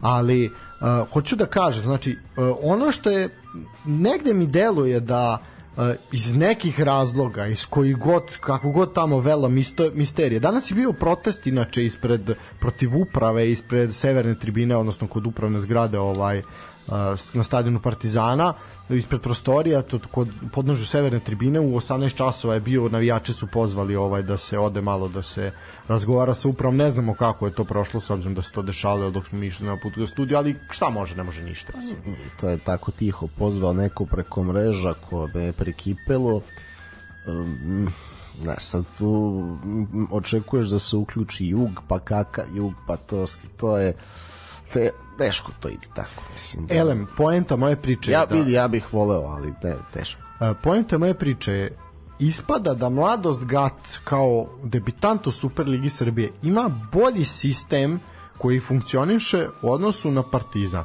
Delo mi da je Partizan nekada, nekada je imao sistem ozbiljan, sada deluje da su to samo da to više nema sistema nikakvog, niti nekih pravila igre, nego je to čista odgovornost pojedinca kako će koji pojedinac reagovati, da li će raditi za klub ili, ili neće raditi ništa. E tako to deluje. Tako vam deluje Partizan danas, a iskreno puštene su prodaju karte protiv za meč protiv ovih šerifa i mislim da za 2500 dinara koliko košta uh, na primer bočni deo istoka i zapada što ja mislim da je previše vidi put, ono podelite sa tri pa i dalje previše.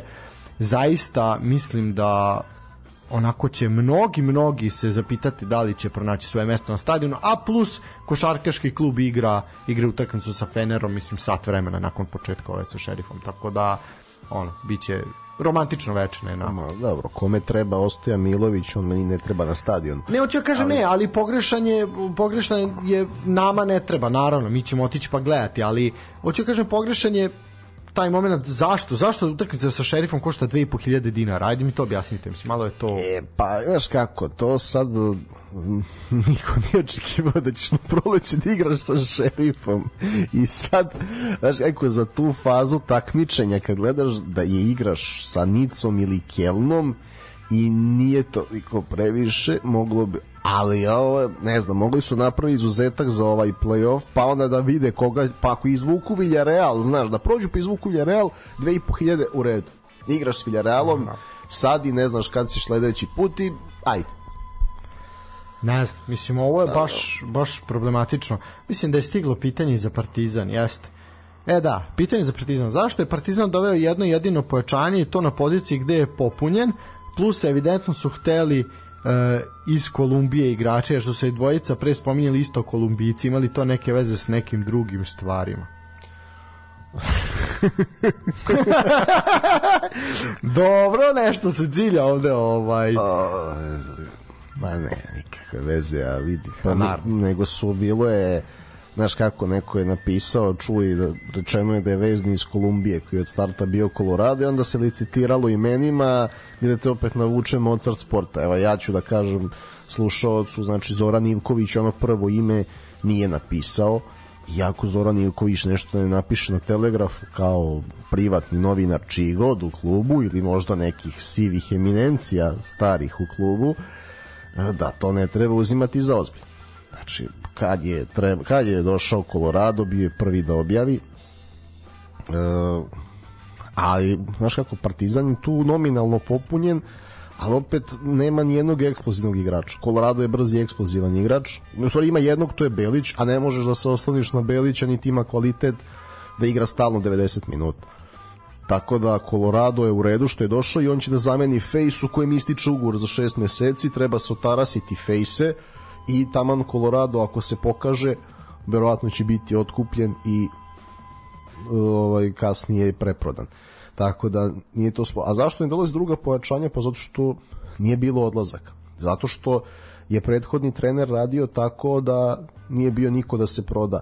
I sada novi trener je imao kako da nije uspeo da nabije cenu limitiranu Menigu. Ricardo je u godinama, a i ne želiš da ide jer ne znaš kada ćeš naći dobrog špica, e, Natho ti treba, isto ne, nema cenu zato što je u godinama, Diabate je tu tek šest meseci koga da prodaš. Ako prodaš Baždara, bit će uprava napoj. Znači, a i mora još da se razvija. Jović, prethodni trener ga je toliko upropastio da tek je na ovim pripremama zaličio na nešto. Vidjet ćemo sad u Moldavi da li će da počne.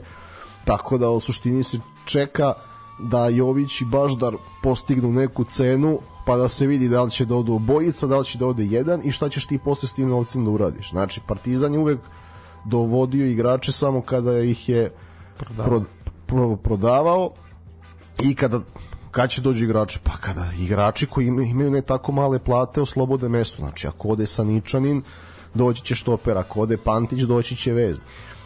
A Siniša Saničanin vidi, Siniša Saničanin pa, realno za ostavština prethodnog trenera koja nas sada kanali kada protivnici imaju veću želju da igraju protiv Siniša nas. Siniša nego... Saničanin realno ne bi imao mesto da igra u Gatu. Bez svaka čast momcima koji igraju u Gatu, ali... Partizanu treba tri štopera, četiri ako Ilić nema talenta. Mislim, to je... Ne, ovo je kriminalno. Imali su Vujačić i Marković nekih dobrih partija zajedno, ali kao protiv Kjel na dva puta još neke utakmice u Ligi, ali znači Marković kad se odvoji od Vujačić igra zajedno sa Saničaninom, on izgleda, ja ne znam, da, pa onda da... mi poželiš da vratiš Milovana Sikimić, razumeš? Pa da, izgleda čovek kao da priput ono je kročio na, na teren, otprilike tako izgleda, mislim, ono, Miloš ostoji za njega Rio Ferdinand, znači, otprilike, da. Ja, Miloš Ja, šta smo ti ja, pa kako nismo sedi već u ovim godinama? Ajo je, vidi, znaš šta, ja ne mogu, ajde sad, sve to okej, okay. kad sam ja preživeo Petrovića, golmana, to kad sam preživeo, sve ću preživeti. Ne, ono je bio, ja šta? Ono je katastrofa. Ne, pazi, ali igra se derbi, to je bio subota, a u sredu se promeni uprava Zvezde i ponoćna konferencija gde onda novi sportski direktor Zvezde agent u tom momentu prvog golmana Partizana, pošto je Stojković te polusezone bio povređen. I onda čovjek prima onakve golove na derbiju, ona lopta Luki Milivojevića putuje, znači, kao stari voz ili Soko ovaj kad kradu ba. Kad kradu, da, ovaj, komunikacije. Putu, putuje, ja je gledam, ja sam tad bio na zapadu na tom delu, ja je gledam, ona putuje pola sata i upada, on ne znam šta čuje, pa ili mu kasalica šutira, ono, on se baca u mestu, gospode, ono Katastrofa, da. Elem, uh, šta oček... Mislim, da, sam si rekao, ja ne znam šta očekivati u, u sad sledeće, ta, tačnije ove nelje protiv šerifa. Kuda ti kod Gorana tako lako se zaboravi, šta, idemo momci liga. E, a malo, e sad, ja moram, sad kad si to rekao, da, kod Gorana se to, kod Gordana se to lako, lako zaboravlja, iskreno, naš, ok, u redu je, on je sva, prihvatio i krivicu na sebe, rekao je da on bio naivan, ovo, ono, sve to u redu Ali ne znam na što je mislio tu. Pa ne znam, možda na, na igrače koje je izveo. Da je on to olako shvatio ekipu mladosti. Ako je zaista to, to istina, onda je to ozbiljan minus gospodinu Petriću. Ovaj, da mu je minus. To, takve stvari ne smiju da se, da se dešavaju. Je, izvini, delovalo mi je kao da će zausti, zausti ono Mladinićevo iz 70-ih čuveno da su igrači kvarljiva roba moram priznati da mi sad onako ovaj ne, ne znam sad šta da mislim o njemu ovaj imam neko ono mišljenje koje ću za sad zadržati za sebe ali definitivno definitivno se pokazuje da je on bio neko prelazno rešenje da tu je Partizan trebao nešto da ili nadam se da makar za taj neke za te letnje pripreme da će imati neko trenersko ime a Gordon Petrić da bude neki čovjek u klubu jer Gordon Petrić je potreban u klubu takav kakav jeste ali mislim da on nije čovjek da bude da bude prvi trener. Svaka čast na ugašenoj vatri, on je imao taj honeymoon period koji je bio prelep. E sad, da ta lopta upravo protiv tog gata nije ušla tako kako je ušla, da se sad tu neki rezultati nisu poklopili, pitanje je da li bi on bio takav, tako miran i da li bošte bio tu bio miran. da, on bio miran, da, on deluje da to njega ne potresa, a to malo sad počinje da nervira, znaš, jer nemoguće da te to ne potrese. Mene samo zanima, ok, pred novinarima je on bio staložen, to je sve u redu, znaš, ali da li je on ušao u slačionicu, da li je onako, ja bih urlao na njih, mislim da 99% trenera u Superligi bi, jer su realno to zaslužili. Ne, mislim što kaže Jurgen Klopp dao sam im dva dana slobodno jer ne mogu da ih gledam. Pa Pa otprilike, znaš, ono kao, nadam se da, da će malo, malo, ovo je šamarčina realno koju, koju su očigledno morali da dobiti. Vidjet ćemo u Moldavi i u Subotici vrlo brzo, znaš, očekuje se reakcija Vidi, uh, gve, naš drug Đorđe Gvero me malo uplašio kad je rekao da Javor je sledeća, a ja nisam bio pogledao raspred, ovo je rekao, pa nema tu šta Partizan da traži ovaka protiv Javora, ali prvo, protiv Subotića. Prvo Subotica, sre, srećom, u nas nema Slavka Petrovića. Moramo ozbiljno prestati sa Slavkom Petrovićem. Nedostaje mi. Da. Ovaj, ne, verujem ja da će se on pojaviti vrlo uskoro. Ovaj, E sad, e, možemo, na, možemo upravo na tu, na tu Ivanjicu. Mislim da smo u Partizanu sve rekli, Gatu svaka čast, istorijska pobeda, ljudi, uživajte, ono, ne, nema šta da kažem. A, dobro, da ima, okreću se prasa po veterniku i nasedi i zasluži. To je pa, to. to je to. E, što se tiče Javora i ovaj te utakmice Javora i Spartaka, e, ovako, Javoru je ono bila smena godišnjih doba ovih dana i bilo je isto snega katastrofa i drugo mesto ubedljivo najlošiji teren ove ovaj mada što kažu ovi ljudi dole koji su pa tamo ni u avgustu nije teren kako treba, a ne u a ne u Pa februaru. se letos, ono, kad je Pa, počela da. sezona. Vidi katastrofa. Uh, baš baš je to problematika zimske čarolije ono. To je jedini put da sam video da trener ekipe koja pobedi se žali na teren. Da, da, I da, Ostalica da, da, nevjerovatno. Nije mogo da im očuti. Pa ne, mislim jezivo je bilo, i sad je bilo kriminalno. Ono zimske čarolije, teren je bio kao na betonu da su igrali, otprilike tako izgledalo. Ovaj zimske čarolije, ono, ono Bišok Šofen i Obersdorf i, i Ivanjica, otprilike tako je izgledalo. Ali pritom, al znaš je, sve u redu, ja sve razumem. Okej, nezgodno je to podneblje, sve u redu. Al majka mu stara, izađete u belim dresovima, potpuno. Beli dresovi, beli šorci i bele štuce igrate s belom loptom, a sneg na terenu. Znači, Bogovi. pa ne mislim, a imate ljubičastu garnituru koja je realno, nema niko ljubičast u ligi, znači mogli ste realno da ispurate kao prošli put u, u Novom Sadu gde je bio čist teren pa nije bilo potrebe za tim. Ovo je bilo kriminalno. Svaka čast, ja ne mogu se da se setim ko je prenosio na areni, ali svaka čast momku koji je odradio utakmicu jer ono je bilo katastrofa. Znači, ne vide se, ne razlikuju se.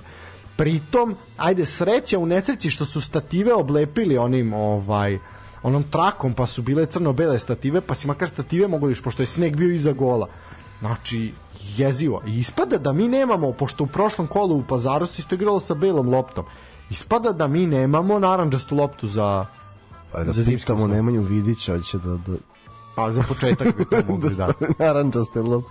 Pa za početak bi to moglo, jer ovo baš je, baš je negledljivo. I u krajnjoj liniji, neverovatno, eto, drugoligaši nisu počeli još uvek. Trećeligaši počinju, počinju u martu. Pa zašto Superliga nije počela onda prvi vikend u martu, majka mu stara? Čemu do ova dva kola? Nepotrebno, mislim. Ne, ne, ima tu, znaš kako, to sad mora da se radi na infrastrukturi još i ok je da počinje prvenstvo sada, jer recimo ja sam, ono sam što smo mi hvatamo formu dok neke druge i ove ozbiljne evropske lige još igraju prijateljske utakmice i ti treba da počinješ ranije da bi završio sezonu ranije jer svi ozbiljni na letnjim pripremama menjaju trenera, menjaju sistem igre i kreću iz početka. Ja kažem da to zimi ne može da se radi, ali treba biti u tome u korak sa ako hoćemo stvarno, ako verujemo da smo 11. liga da. Evrope, onda treba da radi. Tako da ja nemam ništa protiv toga što je prvenstvo počelo, a imam protiv toga kako se radi na održavanju terena. Pa tako je naš, ja slažem s tobom da mi imamo uslove, pa u redu. Šta onda opet, znaš, problem. još dva kola kad da završiš tamo u julu, da završiš prvenstvo i u julu da ih počneš sledeći. Istina, okej, da, Tako Pa jeste tako, ali naš problematika je onda ne, nešto mora da se nešto mora da se menja. Sad ćemo videti, ajde, ti stadioni se grade, pa ja se nadam da će to biti biti nešto bolje. Uh, Petar Gigić ponovo, Petar Gigić ponovo, Javor je ponovo vezao tri pobede, ovaj dve jel sad ovom, ali ima jednu onu na kraju, znači tri pobede isto kao na početku šampionata, tako da eto, Javor kad pobeđuje već povezuje tri u nizu. Ali, i podsjeti me, ko, protiv koga je bila ona jesenja? A, f, puno pitaš, morat ću malo da izvrtim, ne znam. Ne znam zašto govorim, zato što gledaj, Javor je dobio dve utakmice od šest bodova, što bi rekli. Tako je, tako je. Gati i Spartak. I Dobili su Gat Sparta, dobro, čekaj, sad ćemo vratiti. Jer takve utakmice ti protiv direktnih rivala obezbeđuju mir. A, Petar Gigić, nema šta čovek. Ne, znači našao je neki svoj nivo i ritam. Pa isto, uh, bio je Pazar, Pazar, Napredak i Gat. To su bile tri, tri pobede u... A ne, ali poslednje jesenje kolo koje je bilo to Gat A, to da, to da, to da, to da. Ne, ne, ne, Gat je sad bio, nego je pre toga što je bio napredak. Uh, napredak je bio poslednji. Da, dobro, napredak im nije direktan nivo, evo, znači, prva dva Dobro, dva puta, kola... Dva puta su tukli Gat i dva puta su, su tukli napredak. Pa, dob, imaju dve utakmice, kažem ti, šest bodova, imaju mir i sad, ne, znaš, sad već vidi, ne bih se kladio da će Javor da, da ispada baš zbog ove dve pobede. Uh, e sad, šta još tu ima? Uh, da, Spartak, E sad sa Spartakom je možda recimo ova prva dva kola malo situacija kao i sa radničkim iz Kragovca, ali onom tom nižem domu, bili su oni dobar, dobar rival u Ivanjici, imali su stativu u prvom poluvremenu, imali su još jednu ovaj ozbiljnu šansu na kraju meča. Moglo je tu da se dođe do bodova, ali opet su ostali kratkih rukava. Evo šta, to ti ono kad ekipa nekad mora samo ti se namesti jedan gol, jednom povedeš protiv nekog da se mentalno rasteretiš. Znači njima treba, treba a opet pobed. pazi, a opet im naleće Partizan sada. Pa vidi, nije isključeno da uzmu bodove. Pa nije. Uh, samo jedna pobeda u posljednjih 14 mečeva za Spartak. Jesivo, znači, da šta reći. Ovaj... Slavko, vrati se. pa mislim da je prekasno. Vidjet ćemo. Uh, u suštini ništa, Spartak je otišao, ovaj, vraća se kući, dočekuje Partizan, to ćemo, joj, to će biti veselo. E sad, uh, zimske čarolije su bile rezervisane jel, za nedelju, pa je isto tako zimske čarolije su bile u Novom pazaru, gde je gde je zimske čarolije u Novom pazaru, gde je gospodin Nenad Lavatović bio na tribinama jer je dobio četiri utakmice suspenzije. E sad ti nisi bio tu prošli put kad smo to komentarisali. Čovjek je dobio četiri utakmice suspenzije. Ok, ja sam objavio na Instagramu da ja mislim da prvi put čovjek nije kriv, ovaj, ali s druge strane to je akumulirano. Naravno, neko je napisao to je akumulirano sve. Naravno da je to jasno zato što ima x prekršaja, morao je dobiti. Ali šta uradi Nenad Latović traži od uh, ministra unutrašnjih poslova da ga zaštiti. Pa to je A ne, ali, ne, ne, ja sam, veš, znači, kad pređemo video format, prvi gost, znači, pošto je svakako emisija o Superligi, imali iko da je obišao više klubova i obeležio ovu deceniju Superliga Neko ne, on je logičan izbor za prvog gosta kad pređemo u video format i znači A znaš šta je doktor uradio u Novom pazaru? Sećaš se, prošla utakmica u pazaru je bila jeziva, letele su stolice, svega je bilo, tamo je radnički dobio ovaj i onda je onda je doktor, ma majst doktor univerzuma je tražio da ok, biće na tribinama jasno kazna, ali neće na istog, hoće u centralni deo zapadne tribine. I bio je. Majstor, doktor je pojavio se tamo i ljudi su prvo dobili aplauz, drugo ljudi su se fotografisali s njim. Znači, bio je kao hollywoodska zvezda. Bukvalno tako je to izgledalo. Znači, a to samo pokazuje jednu stvar da nama Nena Lalatović treba. Znači, ovoj ligi ne, ne. treba Lalatović. Koliko god da ti njega tih 90 minuta suštinski mrziš, ovaj... Ja ga ne mrzim. A dobro, mi ne, ali o, recimo u Novom pazaru su imali taj incident sa njim. Ovaj, onda se, onda se pojavi na istoku stadiona Partizana, on bi dobio ovacije. Znači, ja garantujem to. Šta je po ove stranice Tole, Radan, ili na Instagramu, to bi nebo gorelo. Krat, kratola i... Pa bi, mislim. Tako da, ovaj, zaista, što se toga tiče, Lalat je ovaj, ne, to je dominacija totalna.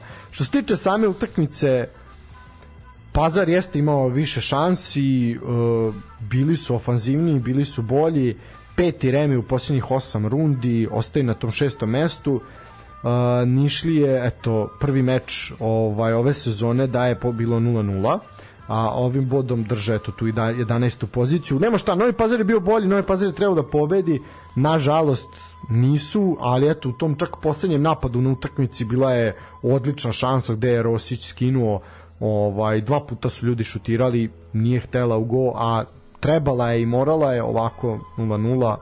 Rosić je uhvatio formu, to nema šta. Biće, može da Štulić i onda uvedu radnički u top 8. A šta kažeš za dolazak Lazara Pavlovića u radnički? Tamo gde mu je karijera, da kažem, i počela. Da, i to je počelo sjajno, pa da. to je bio, ali to je takav šok bio da niko nije, pazi, on je na tom momentu 18 godina nepunih i on je bio on povređen na pripremama i onda je to sad već bio neki mart u tom revanšu kupa, april čak gde su njom startna postava Lazar Pavlović i to broj 10 koji je spletom okolnosti ostao slobodan. I kao je neka greška na flash score znaš, očekivalo se tu ne znam ko je treba da počne. Da, da li Đorđe Ivanović da ne znam nešto što je bilo najavljeno. I to su Savo i Đumi smisli on je odigrao fantastično. Znači on je frustrirao Drinčića tu utakmicu Drinčić ga je udarao maksimalno nije što je deo dete imao je ključni pas u akciji kod gola i onda kad ga je Savo izveo znači Đumi ga je pokojni tako zagrlio u fazonu sve što smo smislili prošlo je. Stvarno su iznenadili Lovatovića tada što je on i priznao ovaj, ima ne na te momente. I, ovaj, i to smo mislili rekao ok, imamo veznog oba pravca imamo sve. I onda ta karijera nije otišla kako treba od one korone on imao ovaj da kažeš do minute e onda je Suma naš, vratio se Suma s pozajmice pa došao Nathov pa su oni tu delili minute onda se on izgubio onom tokom onog karantina. Tu je napravio valjda neke disciplinske prekršaje Savu je bilo najlakše da ga kazni pa onda loše razumevanje sa Stanojevićem i eto. Ali pazi on je na Kipru za šest meseci odigrao 45 minuta. To je poražavajuće spram njegovog talenta sad da li je tu u pitanju lenjost, da li je u pitanju nedostatak samopoznanja, ne znam šta je, ali možda, možda mu ulala tu temperament na kraju lega.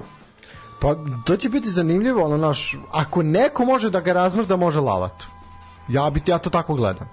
Ako neko može da te ono pokrene, to je lalat. Što kaže Mamić onog šećera u krvu. Ajmo! Ovaj, e sad, evo pitanje još jedno. Uh, aj sad malo skačemo s teme na temu. Uh, dva pitanja su došle još. Uh, da li Uh, da li Alex Vigo ko Milan da li Alex Vigo najbolji desni bek u Zvezdi još od Pavleta Ninkova? U, polako polako. Ja ne bih, da, ovo malo, ok, jeste imao dobru partiju protiv onog nokautiranog voždovca, ali ja bih malo sačekao sada polako.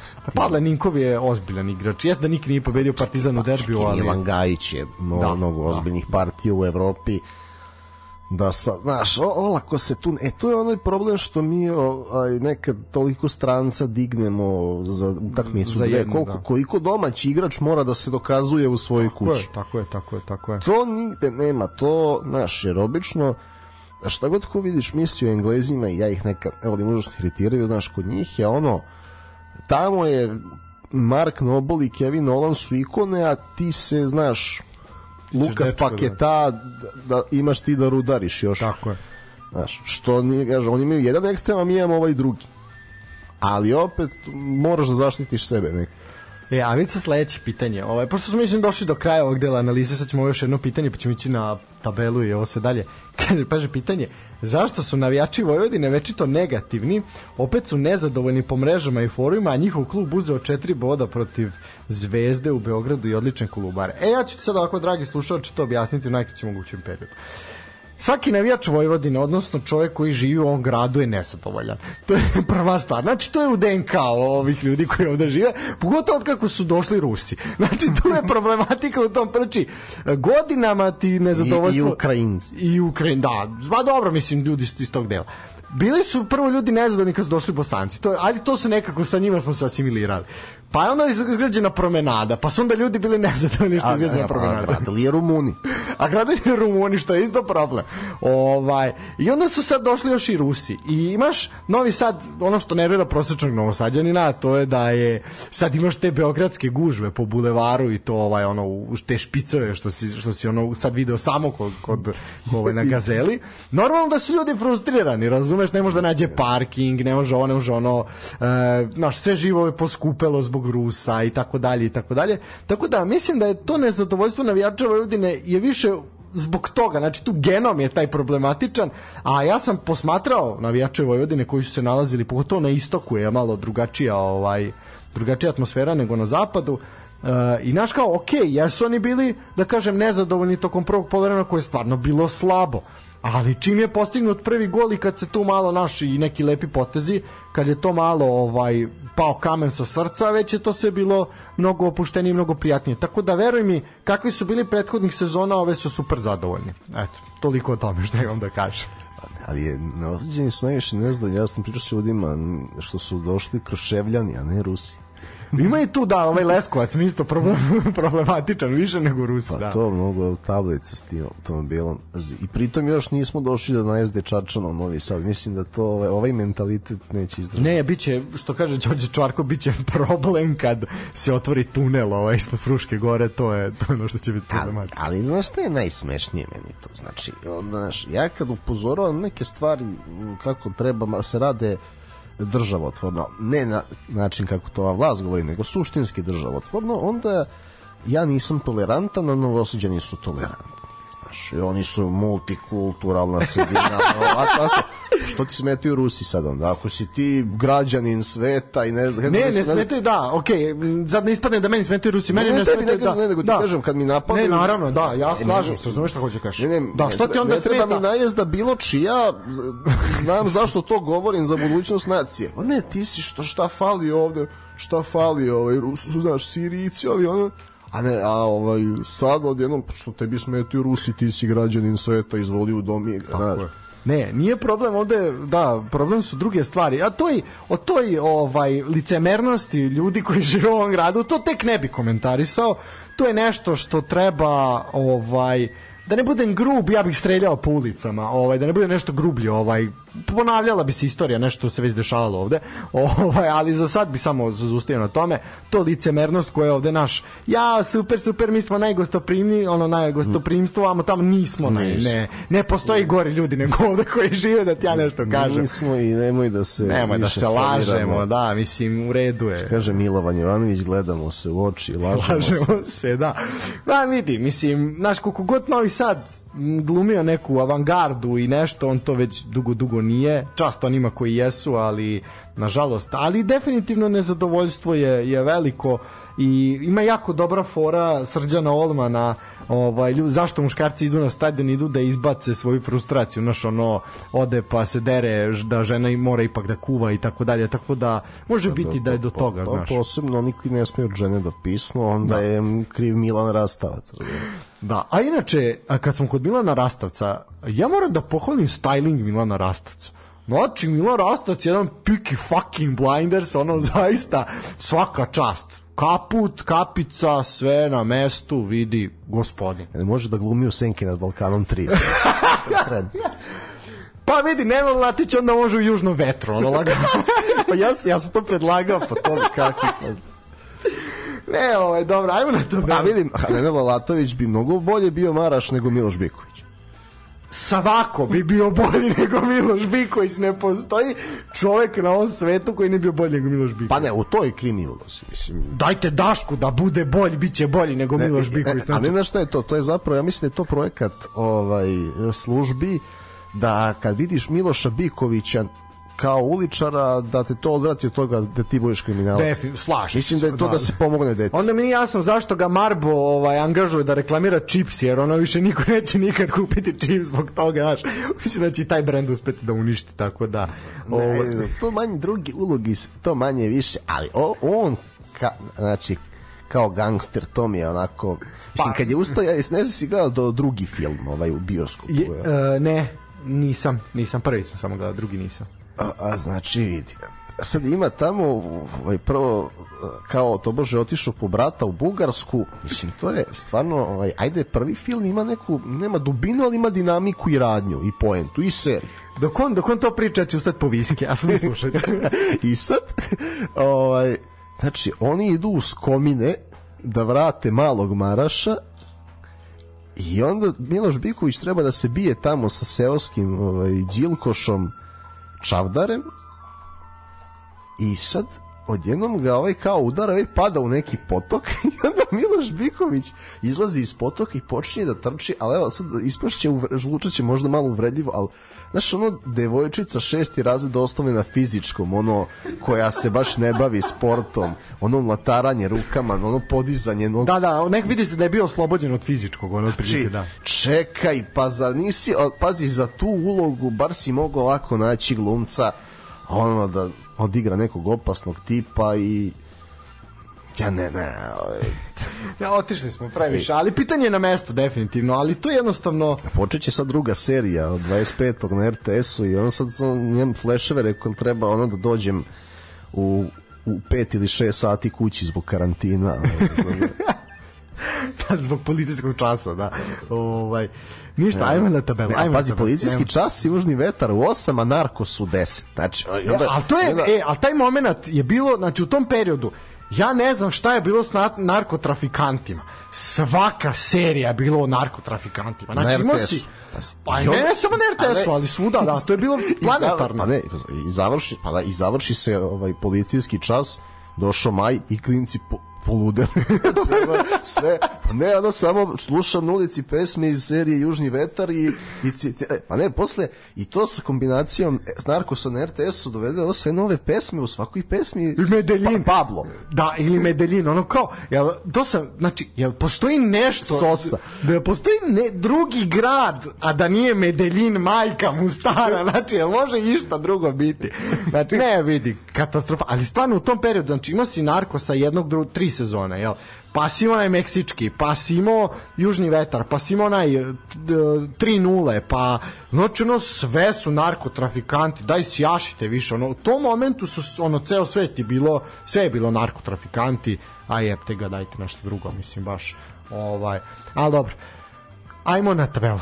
Uh, Crvena zvezda prva sa 57, Partizan drugi 46, Topola treća 42. E sad tu se istopila se malo prednost i mogla bi biti eto ta neka borba malo za to drugo mesto.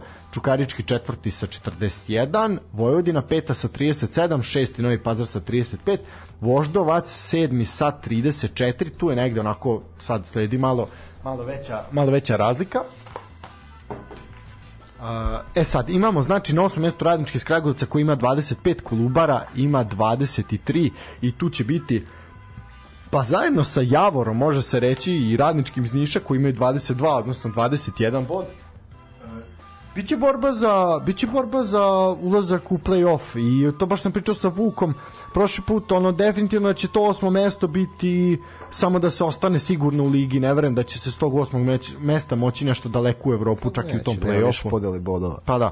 Uh, e sad, rekao sam 11. radnički niž sa 21, 12. napredak sa 19, 18, 13. je mladost sa 18, toliko ima Spartak na 14. poziciji, 15. je mladost Gat sa 16 bodova i 16. je radnik koji je to upisao drugu pobedu ima 11 bodova. Što se tiče narednog 22. kola, ono počinje 17.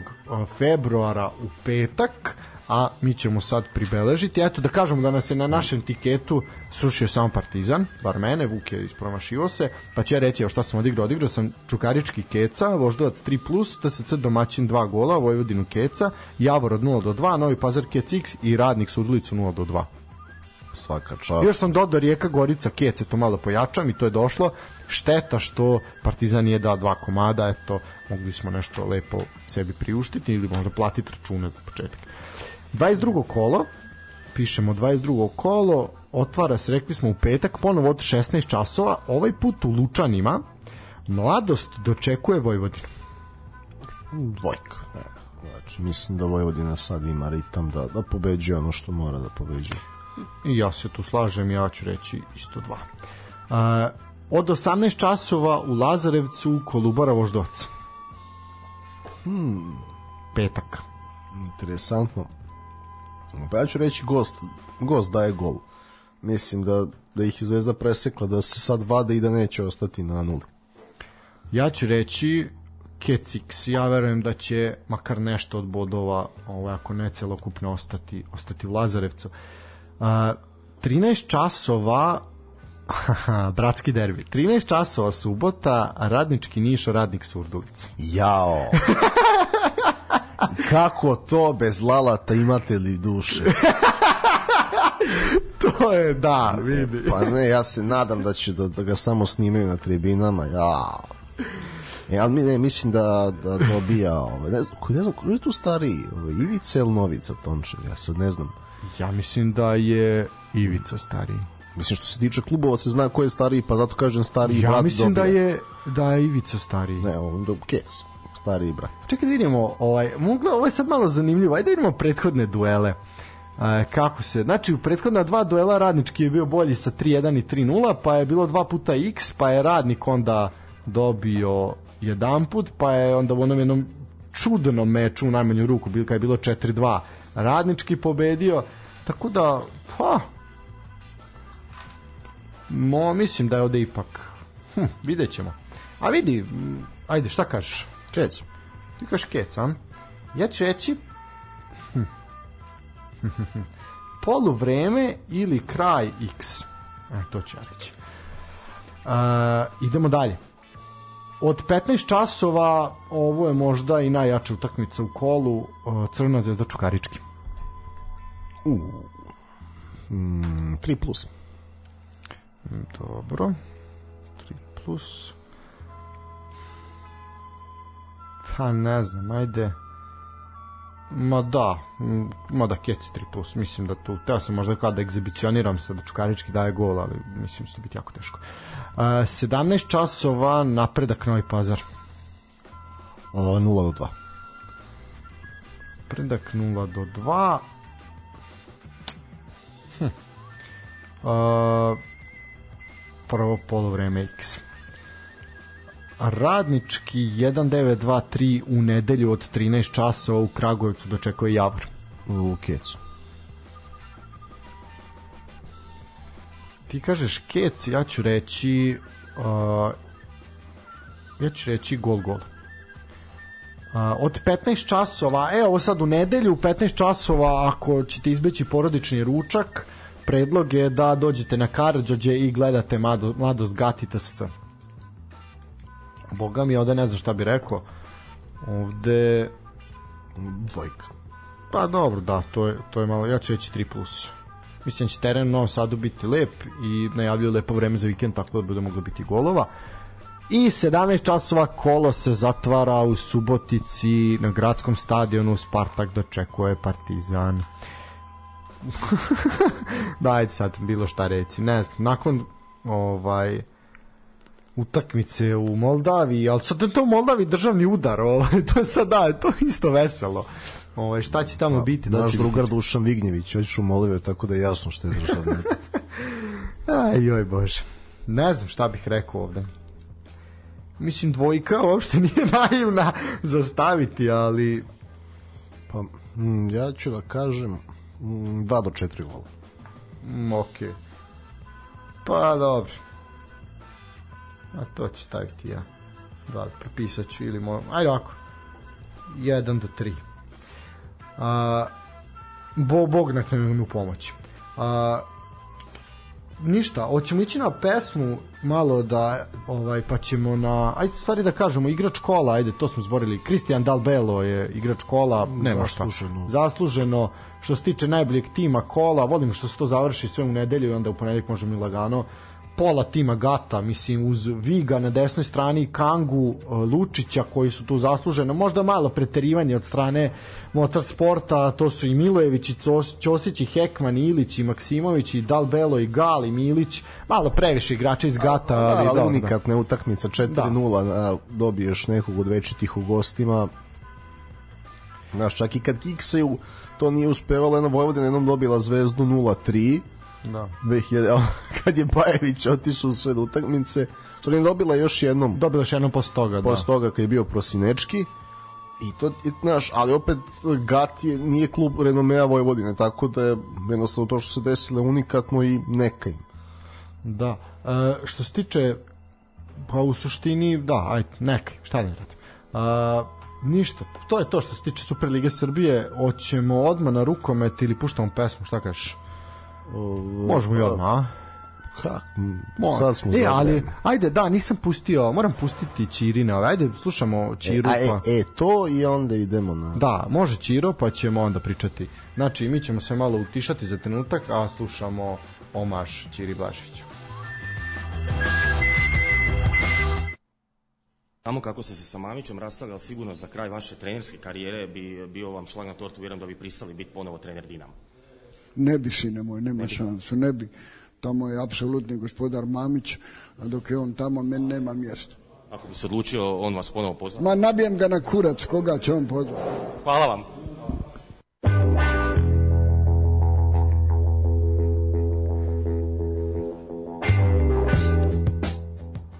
E, a sad kad sam kod ovog džingla, jesi gledao Mamićev intervju za Mozarta?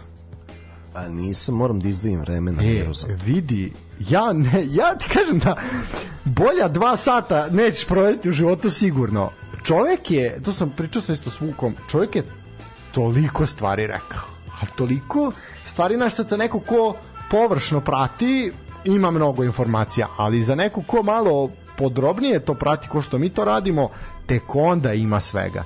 Znači, zaista onako odlično, odličan intervju. Mislim, znaš kako, ne moraš ti tu biti neki vrsan novinar da ti Mamiću baciš udicu, on, je, on, on sam priča, razumeš, Da, ali, da, ali definitivno je ozbiljno, ozbiljan intervju i treba pogledati ljudi ko nije, baš je, baš je onako suva zabava. Ovaj, priča o Hansenu. Ne, ali sad si me podsjetio na to kad se mamić skida dok Lepa Brena peva. Da, dobro, ovaj, imao je Zdravko tokom. Mislim, vidi, tu dva sata, taj i 40 minuta koliko traje ta prva epizoda, koliko je Mozart izbacio, tu realno ima jedno 70 džinglova dobrih da se iseče, znači otprilike je tako. Uh, najbolji rukometaš sveta uh, Mikael Hansen uh, malo kažemo šokirao ovaj javnost i povukao se povukao se jel ovaj završio karijeru uh, odnosno sad tu dalje tu sam završetak karijere ili neka pauza mislim da to još uvijek nije baš načisto uh, klub se Ja oglasio sam razumeo da je kraj. Pa tako piše, mada ne kao spominje se da je pauza, nije pauza, ali sve u svemu izgleda da je izgleda da je kraj ukoliko naravno ne odluči da se vrati. E, vratio se u Olborg e, ove sezone, ali je pitanje eto koliko će zapravo nešto pomoći klubu. E, prekinuo igračku karijeru, Mikel Hansen je jedan od najboljih svih vremena zaista. E, eto klub Olborg je dao saopštenje u kome se navodi da je Hansen zbog stresa odlučio da napravi pauzu dok se ne spominje da li će se ponovo ovaj, vratiti na teren i za Hansena je naporni godinu dana ima problema sa krvnim ugruškom zbog toga se i vratio u Dansku a, eto nakon svetskog prvenstva odlučio je da odmori a, čovek je postao treći put uzastopni prvak sveta sa Danskom ovaj zaista jeste da ovaj put nije uticao toliko na igru kao kao prethodnim ali u svakom slučaju znači Videlo se i da ne može prvo. Znači, Naravno. nije slučajno to što se desilo sada, dobro je držao. Znači, ono što bih ja tu rekao jeste sledeće. Prvo, znači, velika potrošnja je u, u rukometu, apsolutno a drugo, ne smemo da se šalimo sa pojmom stresa ili kad se neko osjeća anksiozno, depresivno. Znači, to mora da počne drugačije da se tretira. Ljudi misle ako je neko uspešan ima novac da da je to eto ne kreši to, znaš. Nije to nikada jednostavno u kojoj god da, da si materijalnoj situaciji i e, treće to više moda šta je to zapravo što dovodi sportiste da imaju toliko problema sa krvnim ugruškom jer ja već slušam poslednje vreme što na tako visokom nivou što na, u koleđ sportu ispod se javljaju vesti gde stalo neki krvni ugrušak je problem Znači, hajde da vidimo šta je to da se neko malo pozabavi tim fenomenom, da se spasu bre ljudima životi i karijere. Znači, imali smo smrtne slučajeve ili prekide karijera, a, mislim, pazi, na način na koji je Sergio Aguero je završio karijeru, mene i dalje frustrira kad se setim i ovo, čekajte ljudi, ajmo da, da se malo neko pozabavi time stručan i povede računa o tim ljudima to je neka moja poruka. Evo ti, ti si u medicini pa mi reci šta se dešava. Pa vidi, Imaš evo- neki svoj sud. Da, evo, znači Hansen je operisao koleno. Nakon operacije kolena, kolena dobio je, zaradio upalu koja prouzrukuje stvaranje ugr, ugruška u tim površinskim venama E sad, što se tiče trombova, mislim, svako od nas verova ima neki krvni ugrušak negde, ali kad se vi rastresate tako i telo doživljava takve udare i stresove kao što jedno telo jednog rukometaša, a recimo profesionalnog igrača NFL-a recimo, to, to je otprilike u tom evropski nivo je recimo to, futbalu je to ipak mnogo, mnogo ređe, a sećamo se, podsjeti me golman zvezde sa ugruškom u a, pri, pad prilikom treninga i u desna noga Butina podsjeti me neka 2012. godina recimo ko je bio ne bili su Bajković i Stamenković u tom ne treći golman je bio Kirovski ili Kirovski e, on je imao problem da sa isto sa trombom ovaj Uh, pritom ajde Hansen je još dobio i ono imao i problem sa plućima mislim sve je to sve se to povezalo. Znaš kako može biti dosta da je tu problem i nakon teg ležanja u bolnici šta kako je to se radi uh, pitanje je kakva je tu krv. Mislim sad tu ima mnogo mnogo stvari na što je na opsežna onako analiza je potrebna. Veliko je pitanje i tu šta se uzima od tih nekih suplemenata znaš i to je isto isto velika, velika, veliko, veliko pitanje, ali evo, smanjite takvu gustinu krvi tako što ćete otići svaka tri meseca da date krv. Eto, na primjer. Mislim, naš, može se i to uraditi. Ti istaknu pola litre krvi, svi su oni momčine, svi to mogu da daju i neće, smanj, ono, smanjit ćeš rizik da, da tako nešto dobiješ. Tako da, ono što treba reći za Hansena, mislim, najbitnije je naravno čovjek bude zdrav i ne treba rizikovati da zbog nekog glupog udarca ovaj da mu se to pokrene i da završi sa smrtnim ishodom ili nekom paralizom ili nešto što je mislim jezivo. Ne, pri, znaš kako, njegov zemljak u futbolu znamo koji problem imao i Bogu hvala živ igra dobro, ali... Da, ali svakako ne treba, ne treba se igrati, čovjek je uradio ono sve što se može uraditi, čovjek je treći najbolji strelac u Ligi šampiona, u istoriji Lige šampiona, tako da... No šta, olimpijski šampion iz Rija, vice šampion prvak iz Tokija, sveta. trostruki uzastopni svetski prvak pre toga, još tri svetske medalje, Evropsko prvenstvo osvojio 2012. u Beogradu jedini čovjek kojeg, kojem tada Stanić nije mogao da, da odbrani da, ništa, da. skoro ništa uh, tada je u tom periodu dobio nadimak Dexter zbog tadašnjeg nekog imidža, izgleda Uh, pa malo je ovaj reći ti ja taj njegov imidž izgled malo je onako starozavetni. Malo je malo je da malo je tajna večera ovaj tako ima frizuru. Ovaj ali dobro uh, sve u sve. Uh, želimo da se reši stresa on to što je da dođe sebi i da ovaj buduće bude ambasador tih prvenstava turnira i onaj Hansena na kojeg smo navikli Tako da on ipak i pored toga što je evidentno nije bio u formi e, nekoliko bitnim utakmicama je pokazao nakon nekoliko ekstra dodavanja na krilo ono što koje samo on ume možda da izvede on Gottfriedson, Nikola Karabatić i ne znam Sagosen i za koji šta je e, zaista eto to je više od skoro 15 godina jedne impresivne karijere. Absolutno. duža je samo Karabatićeva ali o tome ćemo ovaj, kada dođe kada dođe Pariz i kada dođe ta kruna i oprošte onda svakako daleko je ali tad ćemo pričati o njemu. Dexteru svaka čast na svemu. Pa za tri puta uzastopni prvaci nisu bili čak ni Francuzi Tako. prvaci sveta. Ova, on je bio deo toga, Gidzel je sad preuzeo palicu, uz Landina koji 15 godina brani. Da, neverovatno. Podjednako ali, dobro. Ali ne, definitivno da nema šta, jedan od najvećih, pogotovo eto u ovoj sad deceniji uh, i jače, nema šta da se kaže, zasluženo, zasluženo odmor, e sad naravno da je šteta kad se to na ovakav način završi, prinudno, ali svakako ne treba ne treba rizikovati. Znaš, kako s obzirom na to da sam Ivana Balića uhvatio u poznijoj fazi karijere, da. posle Nikole za mene je Hansen apsolutno najbolji. To apsolutno, apsolutno, da. Mislim ne nema šta tu tu ovaj nema nikakvog nikakvog spora. A što se tiče rukometa, to možemo kratko, imamo vremena, možemo napomenuti da Arkus Liga se cepa ozbiljno već i ima dobrih utakmica, tako da ovaj zaista vredi pogledati. Treba napomenuti odlično izdanje rukometnog kluba Partizan protiv Vardara uh, u okviru Seha lige. Pored tog dobrog to izdanja... To nisam mogao da pogledam. To je šteta, RTS je, RTS je to prenosio i to je jako, jako bilo lepo. Ovaj, a ono što još bih ja izdvojio je uh, to je u okviru Seha lige, jel, to sam rekao, ali bih izdvojio i dve pobede Vojvodine u Seha ligi. Uh, tukli su Našice i tukli su a, Pelister ili sad nek sad Pelister i tukli su ove Norvežane u dobro u ovim kvalifikacijama, u, da. Ne u, u Kupu Evrope više ne kažu da neće odbijati Uh, to je treći po kvalitetu takmičenja, al tako? Da. Uh, cilj im je da igraju do godine Ligu Evrope, tako sad najavljuju, kao u tom smislu, nakon pritisaka i tog njihovog odbijanja da igraju Evropu kao da su malo došli sebi, što pozdravljam. A ono što me zanima, što, uh, pošto si gleda utakmicu Partizan Vardar, zanima me Nikola Zečević, kako je igrao, uh, da li vidiš tu potencijal za reprezentaciju i da li si video još nekog ko može da igra za reprezentaciju? Sad ću ti, sad ću ti reći. Znači, koga bi Đerona trebalo da zove u budući?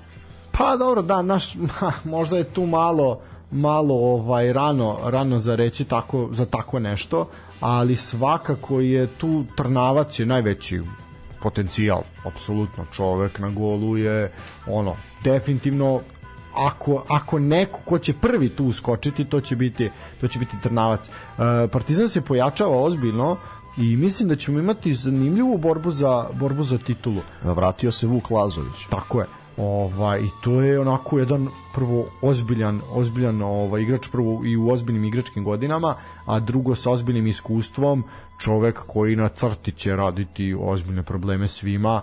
Tako da po meni očekuje nas zanimljiva sezona u Arkus ligi i mislim da ćemo je po, onako detaljnije pratiti tokom tokom dana. Hoćemo, I ne samo to, ja, kad gledaš Arkus lige, sad ponovo je više prenosa i KLS-a na areni, košarkaške lige, nije sad tema, gledao sam Vojvodinu Metalac pre neki mm -hmm. vikend.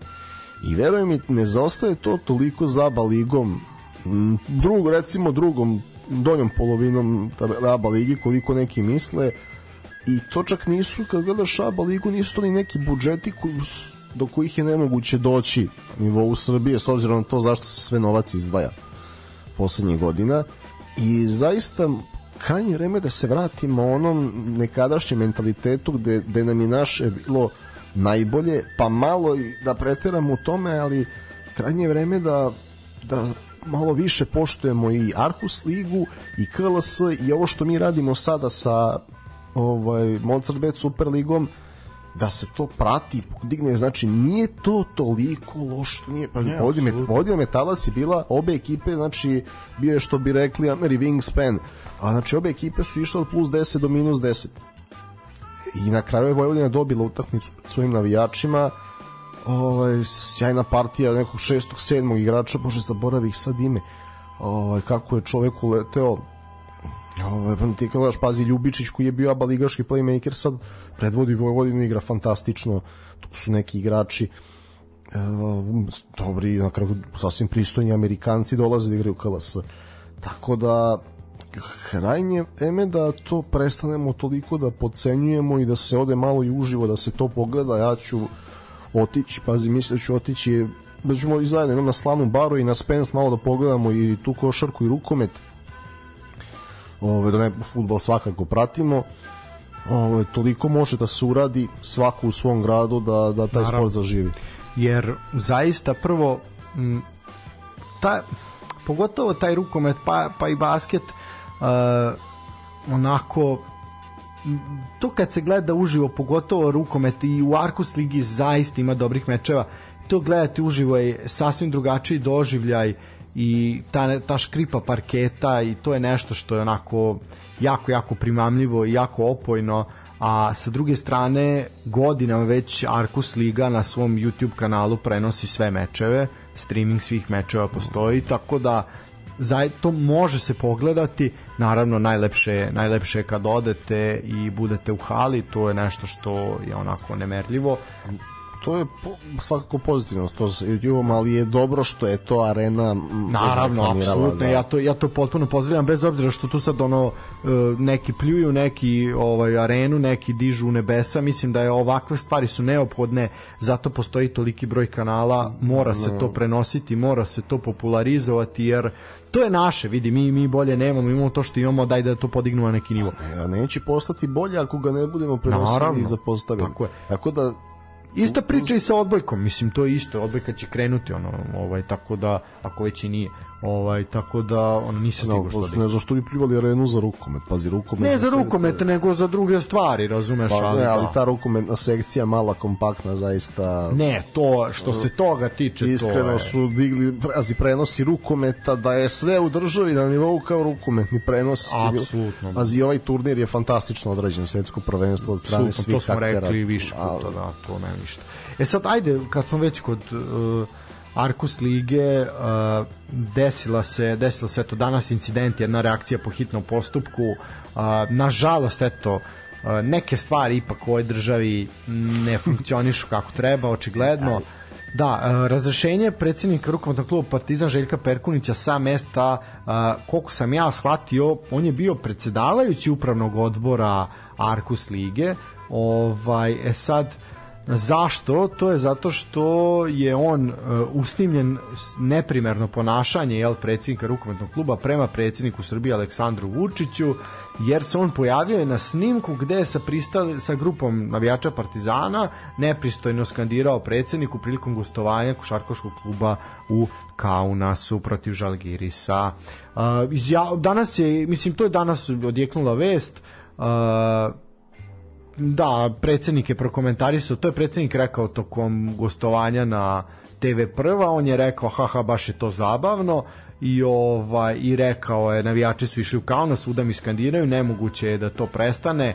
Gledam samo koga sam od njim od njih sam nečim dobrim zadužio, neki od ljudi sa snimka znam lično, išli sa upravom, tu imate ljude iz rukometnog i odbojkaškog kluba Partizan, tako da je da, Aleksandar Vučić sredio otkaz, ovaj, bar sa mesta člana upravnog odbora ovaj Željku Perkuniću šta reći o ome? Mislim, čovjek je odmah danas, rukometni klub je dao saopštenje, Željko, Željko Perkunić se izvinio, ovaj... Je, da ne znam. Taj nivo patetike možeš nešto šmekerski da podneseš jednom u životu. Ne možeš kad si devojčica, razumeš, koja imaš mentalni sklop devojčica od 13 godina koja ja se ono... izvinjavam devojčicama od 13. Da, da, da nećemo, da, da, nećemo, ovaj da. Ali otprilike, naš, ono na tom negde na tom nivou je otprilike tako se ponaša. Ne, ne, ovaj uvek se ponaša kao onaj klinac koji loše igra fudbala da je njegova lopta. Da, da, to je to. To je to s tim da uh, Da, ono, sam sebi je, sam sebi je dovoljan, ali moraš sad, ne znam koliko si isprati ove sednice što su bile oko, oko Kosova i ovog svega, koliko si malo pratio Skupštinu, ovaj pa je jedan reality stvar. Ne, da, ali je bio delimično kontrolisan, nije bio potpuno baš i vidi se da mu je onako baš je bio van sebe. Ovaj naš vidi se onako oko, oko je počelo da mu skreće u stranu naš on to zavisi kad je i koliko terapije popio Da, ja da, mislim da, da on ima dve osobe samo da ga podsjećaju na, na svu terapiju. Ali, ali mislim, prostorija gde su, ne znam, on, Boško Obradović, Miloš Jovanović zajedno, pa to je ne samo on, svi ostali. Pa is, ne, sad su mi oni pali na pamet. A da, mislim, ovaj se skriva ispod stola pa iskače. Svidio taj, svidio taj moment. A ne, ovaj gleda tamo porniće šta radi. Da, da, ovaj gleda samo je, samo je fali onaj boletov kamen još. Da, pod e, ali pazi, cirkus bez šešelja. Da, po Šešelj ne može da ustane ono sa stolice na, na happy, ono prilike još uvijek odvaje, tako da, ne, kriminalno, ovo je jako strašno. Ne, mislim, što se tiče Željka Perkunića, čovjek je prvo ozbiljan, ozbiljan čovek. Ali, ali ne znam ne znam kakav je on neprijatelj to Vučiću, pošto se ne odvaja dosta Emilovića. No, tako da ja ne znam otkad je Željko Perkunić neprijatelj vlasti. Pa naš, ovo je mislim da, da mislim da nije, znaš šta je to problem? Problem je što ovo je Vučić spomenuo da on eto ispadne opet nevoljen, on je žrtva, on daje sve za Srbiju, a njega se ne poštuje, ali onda su male podguzne muve iz tog upravnog odbora rekla, a joj da nam predsjednik ne bude uzrujan, da nam šef ne bude uzrujan, sad ćemo mi to otkloniti da se on nama ne nervira. E to ti tako funkcioniše, znaš. A, pa to ja više ne znam šta on tačno radi, da ko, šta on radi, a šta rade podguzne muve, to sad treba E, malo Pa to je raš- problem, da, raščlaniti. što, što ti koji se, naš brinu, po znacima navoda o njemu, zapravo rade takve, takve gluposti. Ali to samo opet pokazuje ono, gde smo i šta smo, tako da, znaš, ne znam, ne znam šta bi zaista zaista rekao, ali dobro. Uh, 9 i 10, mi ono imamo vremena, u suštini mi smo ovo jako brzo sve ovaj, ovaj odradili. Uh, šta još ima? Pa, e, ima to vesti ovako spoljnih, e, što je meni zanimljivo, nije, iako redko pričamo o tome da se Ford vraća u Formulu 1. E, da, ajde ovaj, A, instinktivno, kako ti to deluje? Pa iskreno, ne znam šta bih rekao, razumeš? Malo sam ispratio promociju bolida, ovaj, ima, lepo izgledaju, sad vidjet ćemo kako, kako će to ovaj, biti na stazi. Uh, pa ne znam šta bih rekao, znaš ono kao, ok, ajde, to je, shvatam da ta priča da Red Bull kao samostalan nije mogla, nije mogla dugo da traje, s obzirom da se tu Honda definitivno ali sad Ali Honda najavljuje ostanak u Formuli za 2026. I sad mene zanima, A šta, onda će biti zasebni, šta? pa nemam, vidi neko pamet, pa najpametnije bi bilo McLarenu da ja da uzme Honda. Da, Honda, ako mene pitaš. Zato što oni imaju tradiciju, ali će biti drugi Mercedesov tim Da. dokle, znaš, jasno je ko je broj 1 i ako imaš, mislim, Landa Norisa i pra, Pjastrija koji nadolazi kao Da. trostruki šampion mlađih kategorija, ja bih hvalio McLaren Hondu koja je tradicionalno jel, tamo osvajala titule. E, ono što je, znaš, ljudi malo znaju o Fordu. Ford kao proizvođač motora ima preko 160 pobjeda u formuli, ljudi ne znaju. Pa i na Le Manu, mislim, i da, ozbiljna, ozbiljna trkačka, trkačka priča. Ovaj, iskreno voleo bih da Boža dođe, ovaj, da ga zovemo, da dođe i da malo o ovome diskutujemo, jer, mislim, naš, ne bi ja sve nešto pravim pametan, uh, ja se svakako radujem, Mi radujem ovo pričamo kao ljubitelji. jel? Da, vidi, ja se svakako radujem svakoj sezoni Formule 1. Još tri nedelje. Da, ovaj, tako da vidjet ćemo, ne znam šta bih rekao i te neke priče o Audiju i sve to, ono, Audi ti je završen za da, 2026. pa da, mislim, ali ne znam, naš, jeste, naravno, ali ne znam šta da očekujemo od toga, naš, to može bude totalni kolaps, ono, da bude katastrofa, ali, su ozbiljni ovamo u, u evropskom motosportu. Jesu. Manu, Audi je vrlo ozbiljan i pazi, znaš kako, Zaj, na primjer, Zajdel je iz McLarena sada otišao u aktuelni Alfa Romeo koji će postati Audi Da. da, da priprema teren.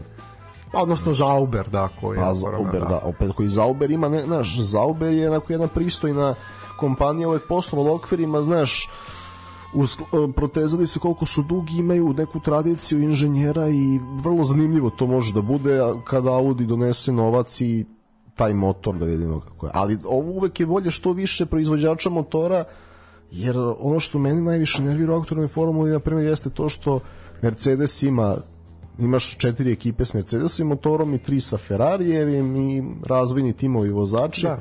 znaš i sad im ovo Ford pa ako bi još neko uzeo onda Hondu drugi pa još ovaj Cadillac Andretti što se najavljuje Audi to je onda onako Pa da imaš raznovrstost, razumeš, imaš ekipe koje neće toliko zavisiti jedne od drugih i tu ono definitivno može biti, mislim i biće svakako zanimljivo.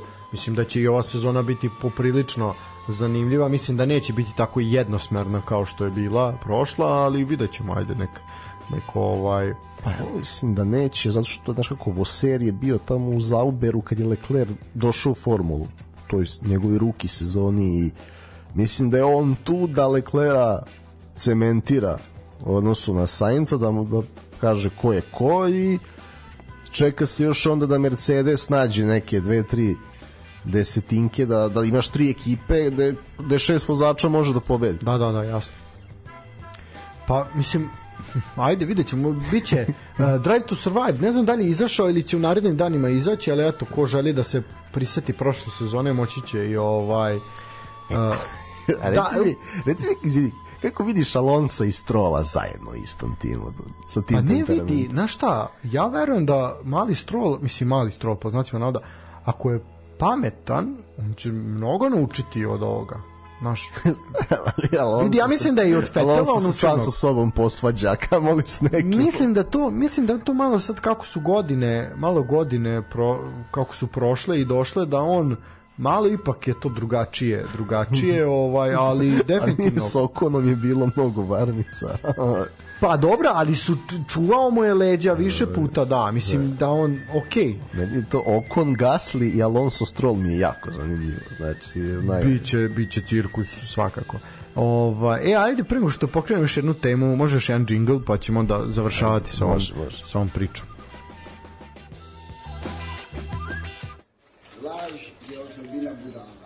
Je 22 svjedoka gdje sam danas za ručkom rekao jebat ćemo im majku, dat ćemo im pet komada. Evo i pitajte, pet komada i ova dvojica, i Ibro i ova što zabili šesti i sedmi, odgovarat će, vjerujte.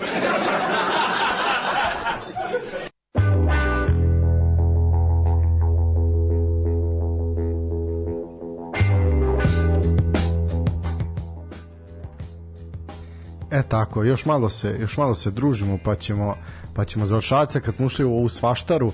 Kaži ti meni, jesi ti gledao NFL? Ovaj sinoć. E, znaš, e, ako, to je ono ovaj, gde možeš ti mene da nađeš da ja ne pratim. E, A, ja, Ja, ja, ja od tog NFL-a znam samo znači kompilaciju Hail Mary dodavanja Arona Rodgersa. ovaj, vidi ovako, Taj čovjek mi je stvarno impresivan kad gledam to, a ovo ostalo se slabo, slabo razumem. Neka Ja- pravila znam i video sam da mnogo može da utiče trener, što znaš da ja volim. Da. A, boga mi smo juče u finalu videli da i sudija može mnogo da utiče. ovaj, ali dobro, to sad bilo je nekih onako malo nesigurnosti, možda nekih grešaka. Znaš šta je meni, šta je moj problem s tim sportom? Ja ću ti reći, dinamika. Slažem Jer to, To je znaš, iako ima mnogo ideja i strategije, to mi je plus, ali ono dok ja njih dočekam da se nešto desi, pa kratko, znaš, jedan ono, Kratko traje, da, znaš, period pa igre, pauza, pa onda... pa onda opet smišljanje akcije i onda da ne drži me Pa to i jeste napravljeno da to naš sa puno sadržaja između upravo zato što ne naš ono zato što je pažnja poremećena i zato to tako i traje. Mislim sinoćni ovaj Super Bowl je trajao po našem vremenu negde od ponoći kad se krenulo pa do pola pet ujutru. Znaš, Ne, to bi bilo sjajno da zapravo da zaživi ovde i da se igra po evropskom vremenu. Znaš što sam provalio, recimo, uh, kao što je tenis zaživao, to je super za domaćice, znaš. One upale sport klub, ATP, ne znam, Bangladeš i onda, znaš, kao i u tenisu, one lepo pristave ručak i onda u početku seta se ono e, či, guli se luk dinsta i kad se približi taj breaku one se nameste na TV prvi set, znaš, završnica šta je bilo, top, e, ajmo sad si u dinsto luk, taman prvi set gotovo, ajmo sad krompir. Tako da, ovaj, mislim da bi taj NFL jako dobro legao ovaj, domaćicama. definitivno mislim svakako slažem se. Ima tih mečeva koji se igraju Mislim, po tom kao da, evropskom vremenu. Samo što da. formula ima, bar se uvek nešto u krugovima dešava, nestaje, Da. recimo, zašto dame vole Formulu 1? Zato što između ono kad vidiš dok se ne dešava ništa par krugova ono to je super pauza mislim i ljudi generalno znaš ono da se nešto proveri uradi u kući operu sudovi iskuca neka poruka i ti kad čuješ Ercega da je je neko smanjio glas, da. razliku za sekund i po da vidimo on će ga prestići Tako je, mislim slažem se ja, definitivno imamo taj problem poremećaja pažnje, ovaj odnosno da zato nemamo ne, pažnje. zato ne mogu svi da gledaju futbol uz dužno poštovanje Tako je. E sad što se tiče što se tiče ovog NFL-a, uh, postoje ti mečevi koji se igraju po evropskom vremenu, to kada dođu oni ovde po Evropi pa igraju. Uh, ali definitivno da je negde, kako se meni makar čini da je ekspanzija NFL-a u Srbiji kao i formula negde bila za vreme covida, da se to malo i tu negde recimo ti godina malo, prethodnih par godina zaista to poraslo onako na jedan ozbiljan nivo i sve više se prati, sve više sad imaš mesta gde možeš da gledaš NFL lokala koji rade celu noć zato da bi se gledali playoff mečevi, Super Bowl i tako dalje, što je po meni sasvim simpatično i prihvatljivo i uz jednu dobru ekipu koja je to jako lepo radila na sport klubu Ovaj, mislim da je to zaista super, super bilo urađeno. Čak i u četu, sam si rekao, nema tu dinamike, razumeš?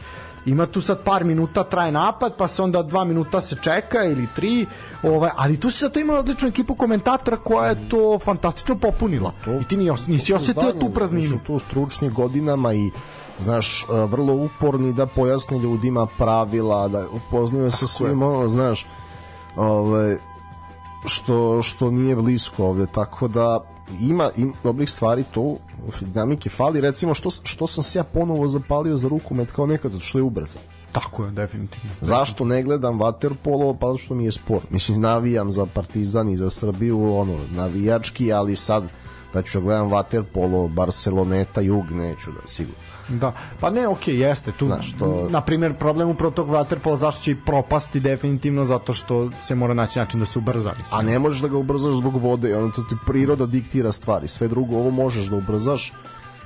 A, Tako je. A, tako da, ali recimo, ovaj, tu vidim da je mnogo priča o Mahomesu. Ja sad samo znam za čoveka i da mu je ovo drugi Super Bowl, da. a da nema mnogo godina. Sad mi ti reci, taj nivo koliko je on od Brady-a, od Peyton Manninga, Rodgersa. Znaš kako, ovaj, daleko, daleko, ali on je neko ko je zvezda u nastajanju, jeste on ozbiljna zvezda, ali je legenda u nastajanju i čovek koji eto, ima dva Superbola, dva puta MVP, sve to stoji, ali, e, na primjer, on je jučerašnje finale igrao pod povredom i videlo se da ima problem na kad treba da ono umesto da odradi pas kad treba da uradi neko istračavanje ovaj videlo se da tu ima problema ali definitivno je čovjek stisnuo zube bio heroj i na kraju i bio heroj. Ovaj biće, mislim da je to nova velika zvezda koja će biti neko ko će nositi nositi tu celu NFL ovaj neko za koga smo čuli i mi koji ne pratimo pa da, mislim najveći ugovor u istoriji sporta i tako dalje sad vamo Ozbiljno, tamo. to nisam znao jeste, da, pa mislim da je uh, bilo je to tako baš pro, posle ne prethodnog Superbola, nego onog prethodnog koji je Kansas City osvojio. Znači ne prošle, nego pretprošle ovaj tu je tu je bilo nakon toga je on dobio to neke ludačke svote su u pitanju. Uh, što se tiče ovoga, evo sad na primjer ova baš Kansas City i Philadelphia koje smo imali prilike jutros, odnosno sinoć da gledamo u 57. Superbolu su dve jako mlade ekipe. Su jako mladi momci i, i ono što su najavili momci sa sport kluba, a to je da ćemo mi definitivno te dve ekipe gledati u narednim godinama u vrhu da li će tu biti još San Francisco, da li će biti Cincinnati, još će tu neke biti dve ekipe u vrhu, ali sigurno u završne četiri će biti i ove dve, jer su svi jako mladi i jednostavno imaju jedan sistem koji radi na održavanju, tako da će verovatno to biti onako jedna konstanta. Uh, finale je bilo jako efikasno i to je meni najdraže kad zaista imaš efikasno, imaš puno poena, puno uh, istračavanja, puno touchdowna. Naš nije ono stalno prekidanje, stalno padanje, jako je bilo efikasno i mislim da je baš zato i držalo držalo pažnju da se ostane dugo u noć budno. Uh, imala je Philadelphia prednost, nakon toga je Kansas City okrenuo, ovaj zaista Patrick Holmes je ono bez greške odradio, zapravo su i tu se vidi koliko su jeste bilo taktički dobro postavljeno, ali su individualne greške Filadelfije, odnosno nekih igrača koji nisu ispratili ljude koji su trebali da markiraju, ovaj su direktno dovele do do pobede Kansas City. Tako da svaka čast ovaj ljudima, bilo je uživanje meni, ja ne mogu, nemam vremena još i to da pratim, mislim pa zaista ono.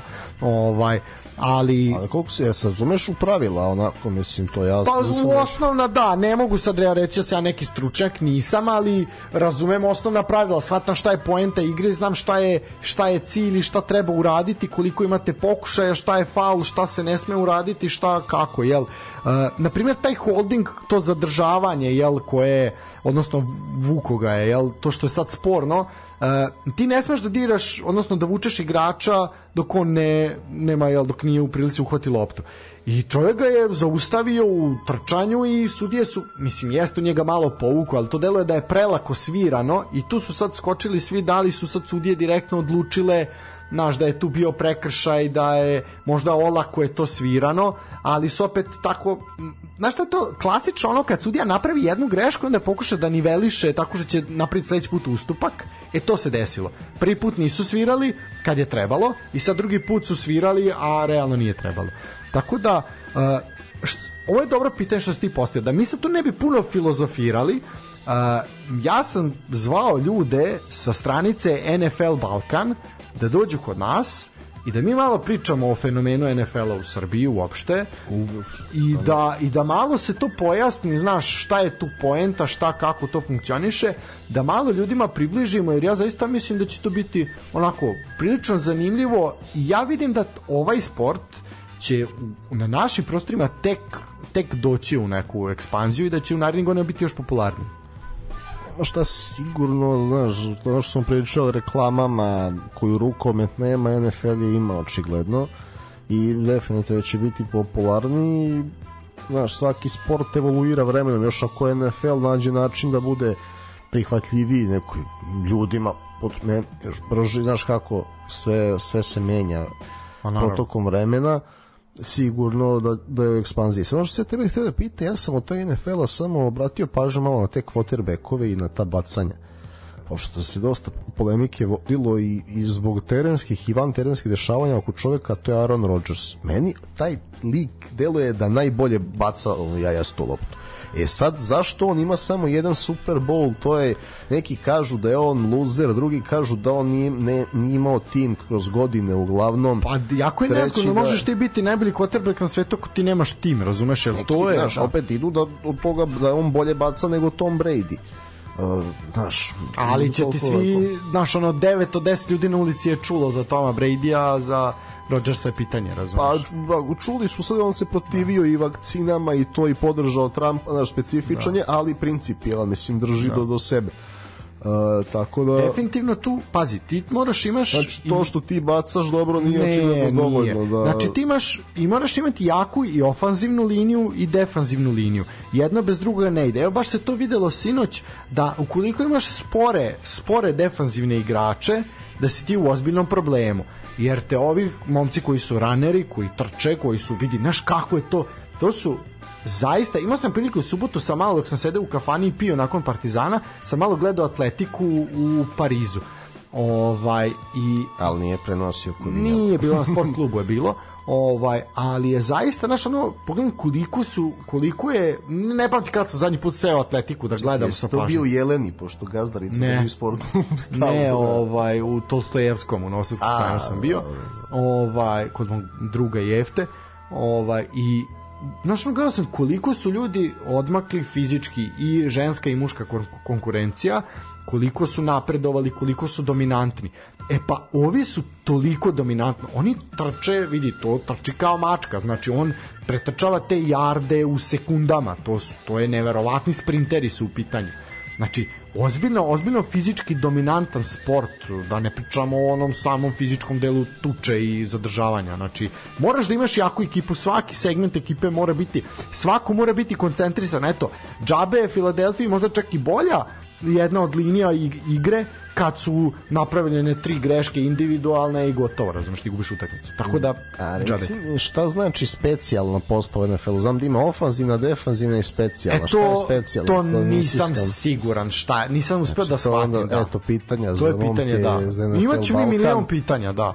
Mislim, vidi, kao neko ko odgleda jednu do, a ne mogu baš reći jednu, ali dve do pet utakmica u toku godine NFL-a, mislim da je ovo što znam je sasvim, sasvim dovoljno. Znači, što se tiče mene i NFL-a, e, bio je neki sedmi razred osnovne i došli su da ga promovišu malo na fizičkom da nam pokazuju neke osnove. A to je bila neka ekspanzija u Srbiji u tom momentu, ono Beogradski Vukovi pa da, da, i Novi Sad. To je bilo da. i promocija. I sad ja kako sam trenirao košarku, ja sam bio playmaker, ja sam bacao dodavanje jednom rukom u kontru, I ovaj sad kao dođe ono svi jedan redom dođe mene reda bacam kad sam je zavrnuo, razumem to bio potez rukom najnormalniji, malo drugačije izvođenje.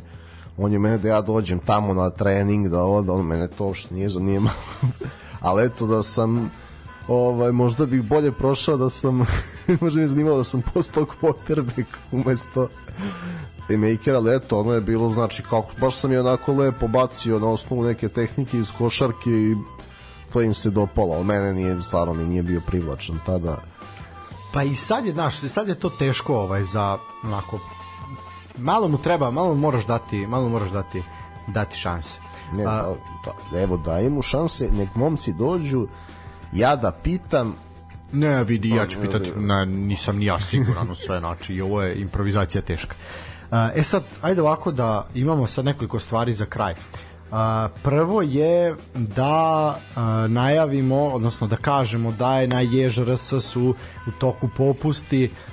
Naš drugar Strahinja ovaj obezbedio popuste i tokom februara, tako da za zanimljive naslove kao što su istorijski zabavnik, kao što je know-how, kao što je uh, kod nas se kaže i Uh, naravno ono što je nama najprivlačnije to je uh, zgrova knjiga moja engleska koju ko nije ko nije pročitao, ko nije nabavio neka kupi dok je još ima, jer to je zaista nešto što će vam sigurno u nekom narednom periodu nakon što je nestane biti krivo što, što je niste niste nabavili. A, to je prva stvar. Druga stvar je da a, Crni Ovan i prikuplja u Novom Sadu, a druge, druge neke, vidio sam po Beogradu da isto toga ima, Znači, prikuplja se pomoć za ovom nesretnom narodu što je nastradao dole u Turskoj i Siriji povodom ovog, nakon ovog zemljotresa, tako da eto, ako neko nešto ima da donira od tople garderobe i svega onoga što treba, eto nek poseti profile Crnog govna pa može tamo odneti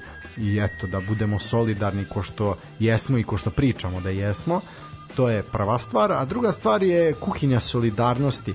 To je nezavisna priča u Novom Sadu koja priprema obroke za socijalno najugroženije i oni spreme negde oko 400 obroka tokom nedelje za socijalno najugroženije i jednostavno ljudi rade iz svog džepa i sa nekim donacijama ko kako uspe da, da doprinese i eto, na primjer, imali su problem da su jedva skupili za neki prethodni period da mogu ljude da obskrbe, a hladno je i nezgodno je i eto, uspeli su, skupili su, negde im treba, da kažu da im treba 40.000 dinara ovaj za na nedeljnom nivou da mogu da pokriju negde oko 400 obroka, tako da to sam ja objavio na našim društvenim mrežama da eto ko može i želi neka neka pomogne jer zaista eto malo malo moramo biti solidarni ne samo sad kad je hladno napolju i gadno nego nego inače ali eto malo i da podignemo i tu i tu priču. Uh, šta još jednom da kažem? Onda kažem još jednu stvar. 22. februara naš drugar, čovjek koji je ovde bio pre, eto, sad će biti tačno godinu dana na sutrašnji dan, 14. februara, Darko Mitrović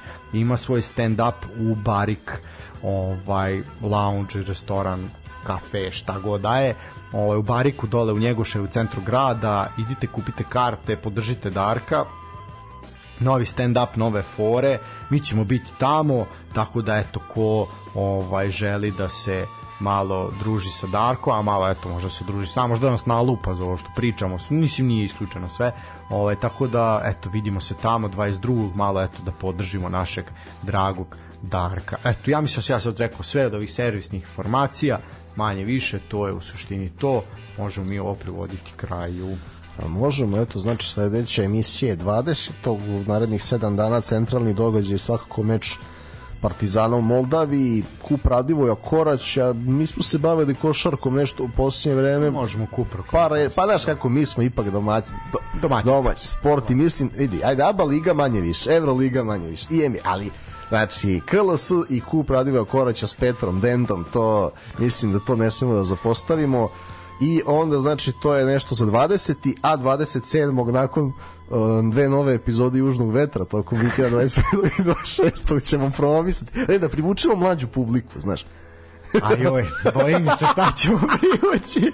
Ovaj, da, ništa, ovaj, u suštini ne, danas smo se razostrali pošteno. Ovaj, a, da, da, mora, ne mogu da propustim priliku da, da da primim po Bikoviću. da, e, ja bih, mislim, u suštini mislim da je to to, ono, moramo se polako odjavljivati. Red je. Kupek, kupek, kupek, će, kupek će leteti, kupek povodom 12. rođendana koje je bio prošle nedelje, ovaj, eto, čestitamo i to 12. rođendan našem dragom Dejanu, nadamo se da se uskoro vidimo ovde, pošto dva puta je gostovo na N1, dva put je bio u sportskom pozdravu vreme da ga mi, da mi preteknemo N1, da bude kod nas treći put. Ovaj, tako da, to je to ljudi, odmarajte, hvala što ste nas slušali, uh, Patreon, Paypal i uh, dinarski račun Erste banci ko želi malo da nam pomogne Darko hvala ti na uplati ovaj, i na podršci samo i svim ljudima koji su slali poruke i momcima koji slušaju i devojkama i sve zaista ja moram da pitam naravno za još jednog Darka A, pa na, na Darka, na tog Darka sam i mislio, da, ovo sam spomenuo Mitrovića, a sad mislim na Stojanovića, e, da.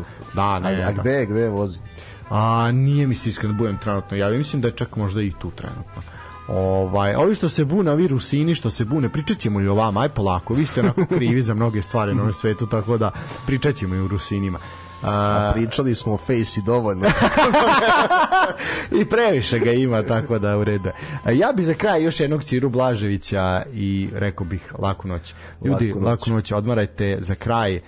Ciro Blažević, čovjek legenda, otišao u legendu, a mi se sa ovom legendarnom izjavom, ono, najbolju sam ostavio za kraj. Uživajte, čujemo se narodnog ponedjeljka. Zvone ni ja ne bi dali šukera za deset batistuta. Jebote batistuta.